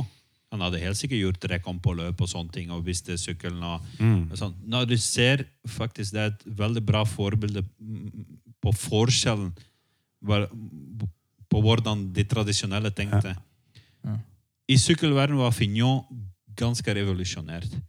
Ja. Fordi han var en av de første som kjørte faktisk eh, med open dekk, som vi kaller det. Så vanlige dekk med slange Mm. Okay. ja, ja. som var noen ting. Alle kjørte jo på pariserdekk eller limedekk. Ja. Michelin kom med veldig bra åpen dekk, og Fignon var forstander av det. Og Fignon kjørte på 19 mm dekk med nesten 10 kilo trykk. Ok, Det blir veldig teknisk, men hva, hva vil det si? Er det Det vil si, for å forklare det Ja. ganske enkelt, at det er stikk, stikk motsatt av hva vi gjør i dag. Ok. Ja, nå kjører vi med større dekk, vi kjører med mindre luft. Men de var så overbevist om, eller Fignon var så overbevist om, hvor hardere og tynnere dekk du har, mm, Det er så oppskriften på punktering. hvor, bedre, hvor bedre rullemotstand du har. Ja. Mm. Men det stemmer ikke. Det stemmer ikke i det hele tatt. En annen stor ulempe er med å kjøre med tynne og veldig harde dekk, at du føler hver eneste småstein Ja. på veien. Mm. I tre uker. Ja. Ja. Det blir sittesår, altså. sittesåret ja, fra? ja, ja. Mm. Ikke sant? Så, I tillegg så hadde han jo hestehale. Det er jo ikke så veldig aerodynamisk heller. der ser, du, der ser du hele den forskjellen. vet du. Det, det er så mye symbolikk i den seieren til, til, Fin- eh, til, til Le Mans over Finjo. Mm. Det er helt ufattelig. Ja. Det er revolusjonært. Det, det, er jo endringen av eh, sykkelsporten Ja, på en halv time. man kommer jo til, de kommer inn, altså Idet Fignon kommer inn på Champs-Élysées, så leder han fortsatt Tour de France med to sekunder. Og da hvor mange meter er det igjen da? Ikke mange kilometer eller sånn igjen, maks? Mindre enn det, kanskje òg? Ja, Jeg vet ikke om han fortsatt ledet, da, for jeg jeg. satt og okay. så på, så han hadde tapt. Men jeg, jeg, jeg husker Så godt. han godt. hadde to sekunder på plass til la Concorde. Ok, nei, det, så i fall det som jeg leste, sto at han hadde to sekunder Da kom vi på Champs-Élysées, men det er mulig det var oppe på plass til Concorde. Mm. Men så taper han da ti sekunder derfra inn til mål. Mm. Og så ender det opp med at eh, Fignon taper Tour de France med åtte sekunder på siste etappe Ja, i skal Tour de France. jeg, skal jeg aldri glemme. Og, Vi, vi og kollapser. kollapser. Selvfølgelig gjør han det! Selvfølgelig gjør han det. Nei, vi satt, og, vi satt og se på, vet du, og, og du føler på hele den stemningen, vet du, og så hadde vi fulgt med det var, det var noe, noe var i ferd med å skje. Så som sagt, jeg var 17 år. Ute i gata hos oss var det stor gatefest. Så alle var ute. Vi hadde stort telt i gata, og alle feiret. Ja. Og jeg satt inne med et par kompiser, vi satt og så på. Og vi, vi står opp mot slutten. Og den belgiske kommentatoren Mark Autoroven i, i, i, den, i den tida, der han begynner å telle ned når du er vitne at det er noen historisk og legendarisk som skjer i sykkelsporten. Jeg husker det som akkurat den biten. Ja. Vi har gått gjennom mange etapper, og mange ting har, har jeg glemt og vet sånn noenlunde, men akkurat den biten Når du ser Le Mans komme eh, Nei, du ser Fignon komme, og så teller de ned. Så går det opp for Faen deg at er ti minutter han gikk Ja. over mål. ja. Så han vinner ikke. Ja. Ja. Så jeg husker jeg løp ut etterpå og prøvde å finne far min. For jeg, du måtte fortelle det til noen. ja, selvfølgelig. Ja, Du måtte fortelle at, at Fignon ikke hadde vunnet. Ja, for de ute, de hadde, de hadde slått seg til ro med at dette vinner Fignon. Ja, Så ja, dette- da, Det skulle være en formalitet. En siste Ja. tempo. En, eh, en, en, en tempo på, på 24 km. Som går nedover, nesten. Ja, Ja. altså fem, 50 sekunder. Ja. Det, han, han Fignon kunne på papir ikke ta på det. Men der viste det seg at det var ting i ferd med å skje i sykkelsporten som skulle endre sykkelsporten. Spesielt på teknologi, på, på vitenskap og på dette med utstyr. Og, og det pågår i dag, og, og- det forskes på, på videre. Og nå, nå vet alle om, om, om CDA og, og millimeter og dekktrykk. og det, det er jo helt, helt sykt. Men det er jo også franskmannen, den lokale helten, blir jo her nedkjempa av amerikaneren. Og det hadde man jo vanligvis hata. Men man gjorde ikke det heller. Folk likte Le Mans. Det er noe rart der. Jeg tror det sitter litt i, i, i genene til menneskene. vet du. En, en, en, type antihelt, en, en outsider, en underdog som blir skutt ned av svigerbroren hans med en, hagl. liksom. Så kommer det kjem, så viste han, han viste faktisk svak, svakheter underveis. Så hele tida ga det tvil Han var på menneskelig. Ja, men til og med jeg tror det økte populariteten. vet du. Med at de etappene hvor han tapte. Og så kommer den. Kjempeklimaks. Kjempeunderdog-historie. Ja. For, til det, da. det er jo, eh, Greg LeMond har jo vært eh, veldig sånn eh, ute og gått imot doping hele tiden. Og uh, sier han var ren. Og, uh, så vet vi at det er mange av disse navnene som han kjemper mot her, og han vinner mot, som har vært drevet med litt uh, utenomfaglig snusk. Tror du akkurat som Norge i langrennssporet. da. Vi slår jo alle på god glid. Vi er jo Ja. fantastiske. Men tror du at, eh, at, det, at det faktisk var det? da, At Greg LeMond var ren? Han bare var en trailblazer når det kom til teknologi og treningsmetodikk eh, og de tingene? Det sånn, det er sånne spørsmål vi, vi får ofte. vet du. Altså, tror du, tror du ikke? Altså, det var mange ryttere som ikke dopet seg som vant store løp Ja. i den perioden. Det har vært mye fokus på, på det. Eller den, den gruppe som, som gikk helt, helt til enden. Men en så tøff eh, Grand Tour, en treukersritt, som Ja, er men- så tøft. Jeg vet ikke om de som følger med på sykkel, vet du, de ser noen endringer de siste årene. Mm. Og det vi ser, er at ryttere, det er ryttere med svakheter. Mm. Det så Ja. vi ikke før. Vi så det ikke før. Det beste viste ikke noen svakheter. Aldri. Nei. Og det har vi sett de siste årene. Til og med From. Ja, ja. Vi ser det i klassikere. Vi ser ryttere gå tom. Vi ser ryttere parkert. Det skjedde ikke. Mm. Der ser du det med Le Mans. Ja. Le Mans har perioder hvor du tror nå, nå er det slutt. Så for meg hvis du, hvis, Jeg sier ikke at han ikke ta, har tatt en Paracet eller, eller noen ting. Ja, men, det, Men jeg tror ikke han, eh, han var dopet på samme måte. Eller på, men Fignon jeg, jeg tror den perioden der, vet du 89 det, Som sagt, det, det tok helt sikkert småting. do, Antidopinglisten så jo helt annerledes ut. De, de tar kanskje uh, små doser med kortison og de tar noen, noen smertestillende og sånn, men det er ikke på samme måte som skjer på, på 90-tallet. Etter, etter 1991 begynner det å endre seg når EPO, EPO-en kom. EPO ble ikke nok for noen ryttere. Vi har sett historier hvor eh, det måtte eh, påfylle litt med, med kokain og alle de greiene der, og da kommer vi i en helt annen verden. Da snakker vi ikke lenger å, å dope seg for, for å sykle fortere. Det er galskap. Da blir man avhengig, og man ser ikke enden. Og så Det er da myndighetene har sagt at her må vi sette en, en, en stopper. Og så kommer vi i 98 for Festina-skandalen og utrensing, utrenskingen. Det er fortsatt rutere som blir tatt, men det blir, når du ser på den, den dopinglisten nå, den, er, den ser jo helt annerledes ut enn i i 1989. Så vi har passe kommet, leppene sine nå. ja, så vi, de hadde ledd av det vet du, i, i 1985. Så det gjør de ikke lenger. Så vi lever, vi lever i en helt annen historie, men eh, en helt annen epoke. Altså, Men for å komme tilbake til spørsmålet ditt, ah, vanskelig å si, men jeg tror ikke at han var dopet. Jeg har en liten fun fact. Ja. Vi snakka litt om eh, lønn og dette ADR-laget. Jeg kjenner jo ikke til det, men det som jeg har lest, eh, er at uh, For Le Monde fikk jo nesten ikke kontrakten hos deg. Hvor skulle han passe inn, liksom? Folk trodde jo ikke på han. Bare full av hagl. Ja, Men han skulle visstnok ha fått en, eh, en årslønn på rundt 1,3 millioner norske kroner. Har jeg prøvd å regne meg tilbake til. Det var 6 millioner belgiske franc på den tiden. Men han hadde også en, et sett med bonusavtaler. Så han skulle få tilsvarende beløp hvis han eh, vant World Tour-rankinga. Individuelle, det klarte han jo ikke. Men han fikk eh, 1,3 mil til for å vinne Tour de France. Ja. Og så hadde han jo samme på VM, da. så han Jeg kjenner, kjenner ikke til alt dette med finansene, men han ble i hvert fall en ganske dyr dyr mann for det lille laget her, hvis, eh, hvis alt det der ble oppfylt i, i ettertid. Ja, men han har nok ikke sett de pengene. Nei, Det jeg har lest, er at han fikk inn null og niks eh, fra der. eh, Men at han da rett etterpå, fordi han ikke fikk betalt, så han, altså kom seg ut av kontrakten. Og så signerte han en ny treårskontrakt med Seth Tomasso Ja. til 5,5 millioner dollar. Ja. Så det var litt, da- og det var da til, på den tiden den største eh, avtalen som har vært gjort i sykkelsporten. Da har han jo regnbuetrøya på nytt. Veldig bra. Er det noe mer vi har glemt? Dette har vært en veldig lang podkast, men en veldig interessant podkast. Altså 1989, jeg, merker, jeg, jeg, kunne lite om det. Det er jo før min tid på alle måter.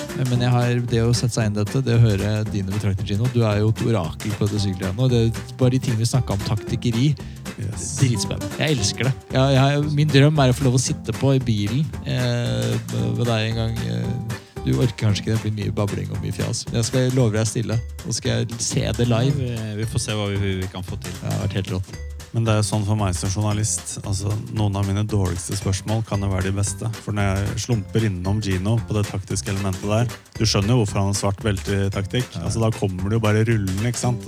Fantastisk analyse. Ja, det er veldig bra. Hyggelig at vi fikk lov å komme på besøk.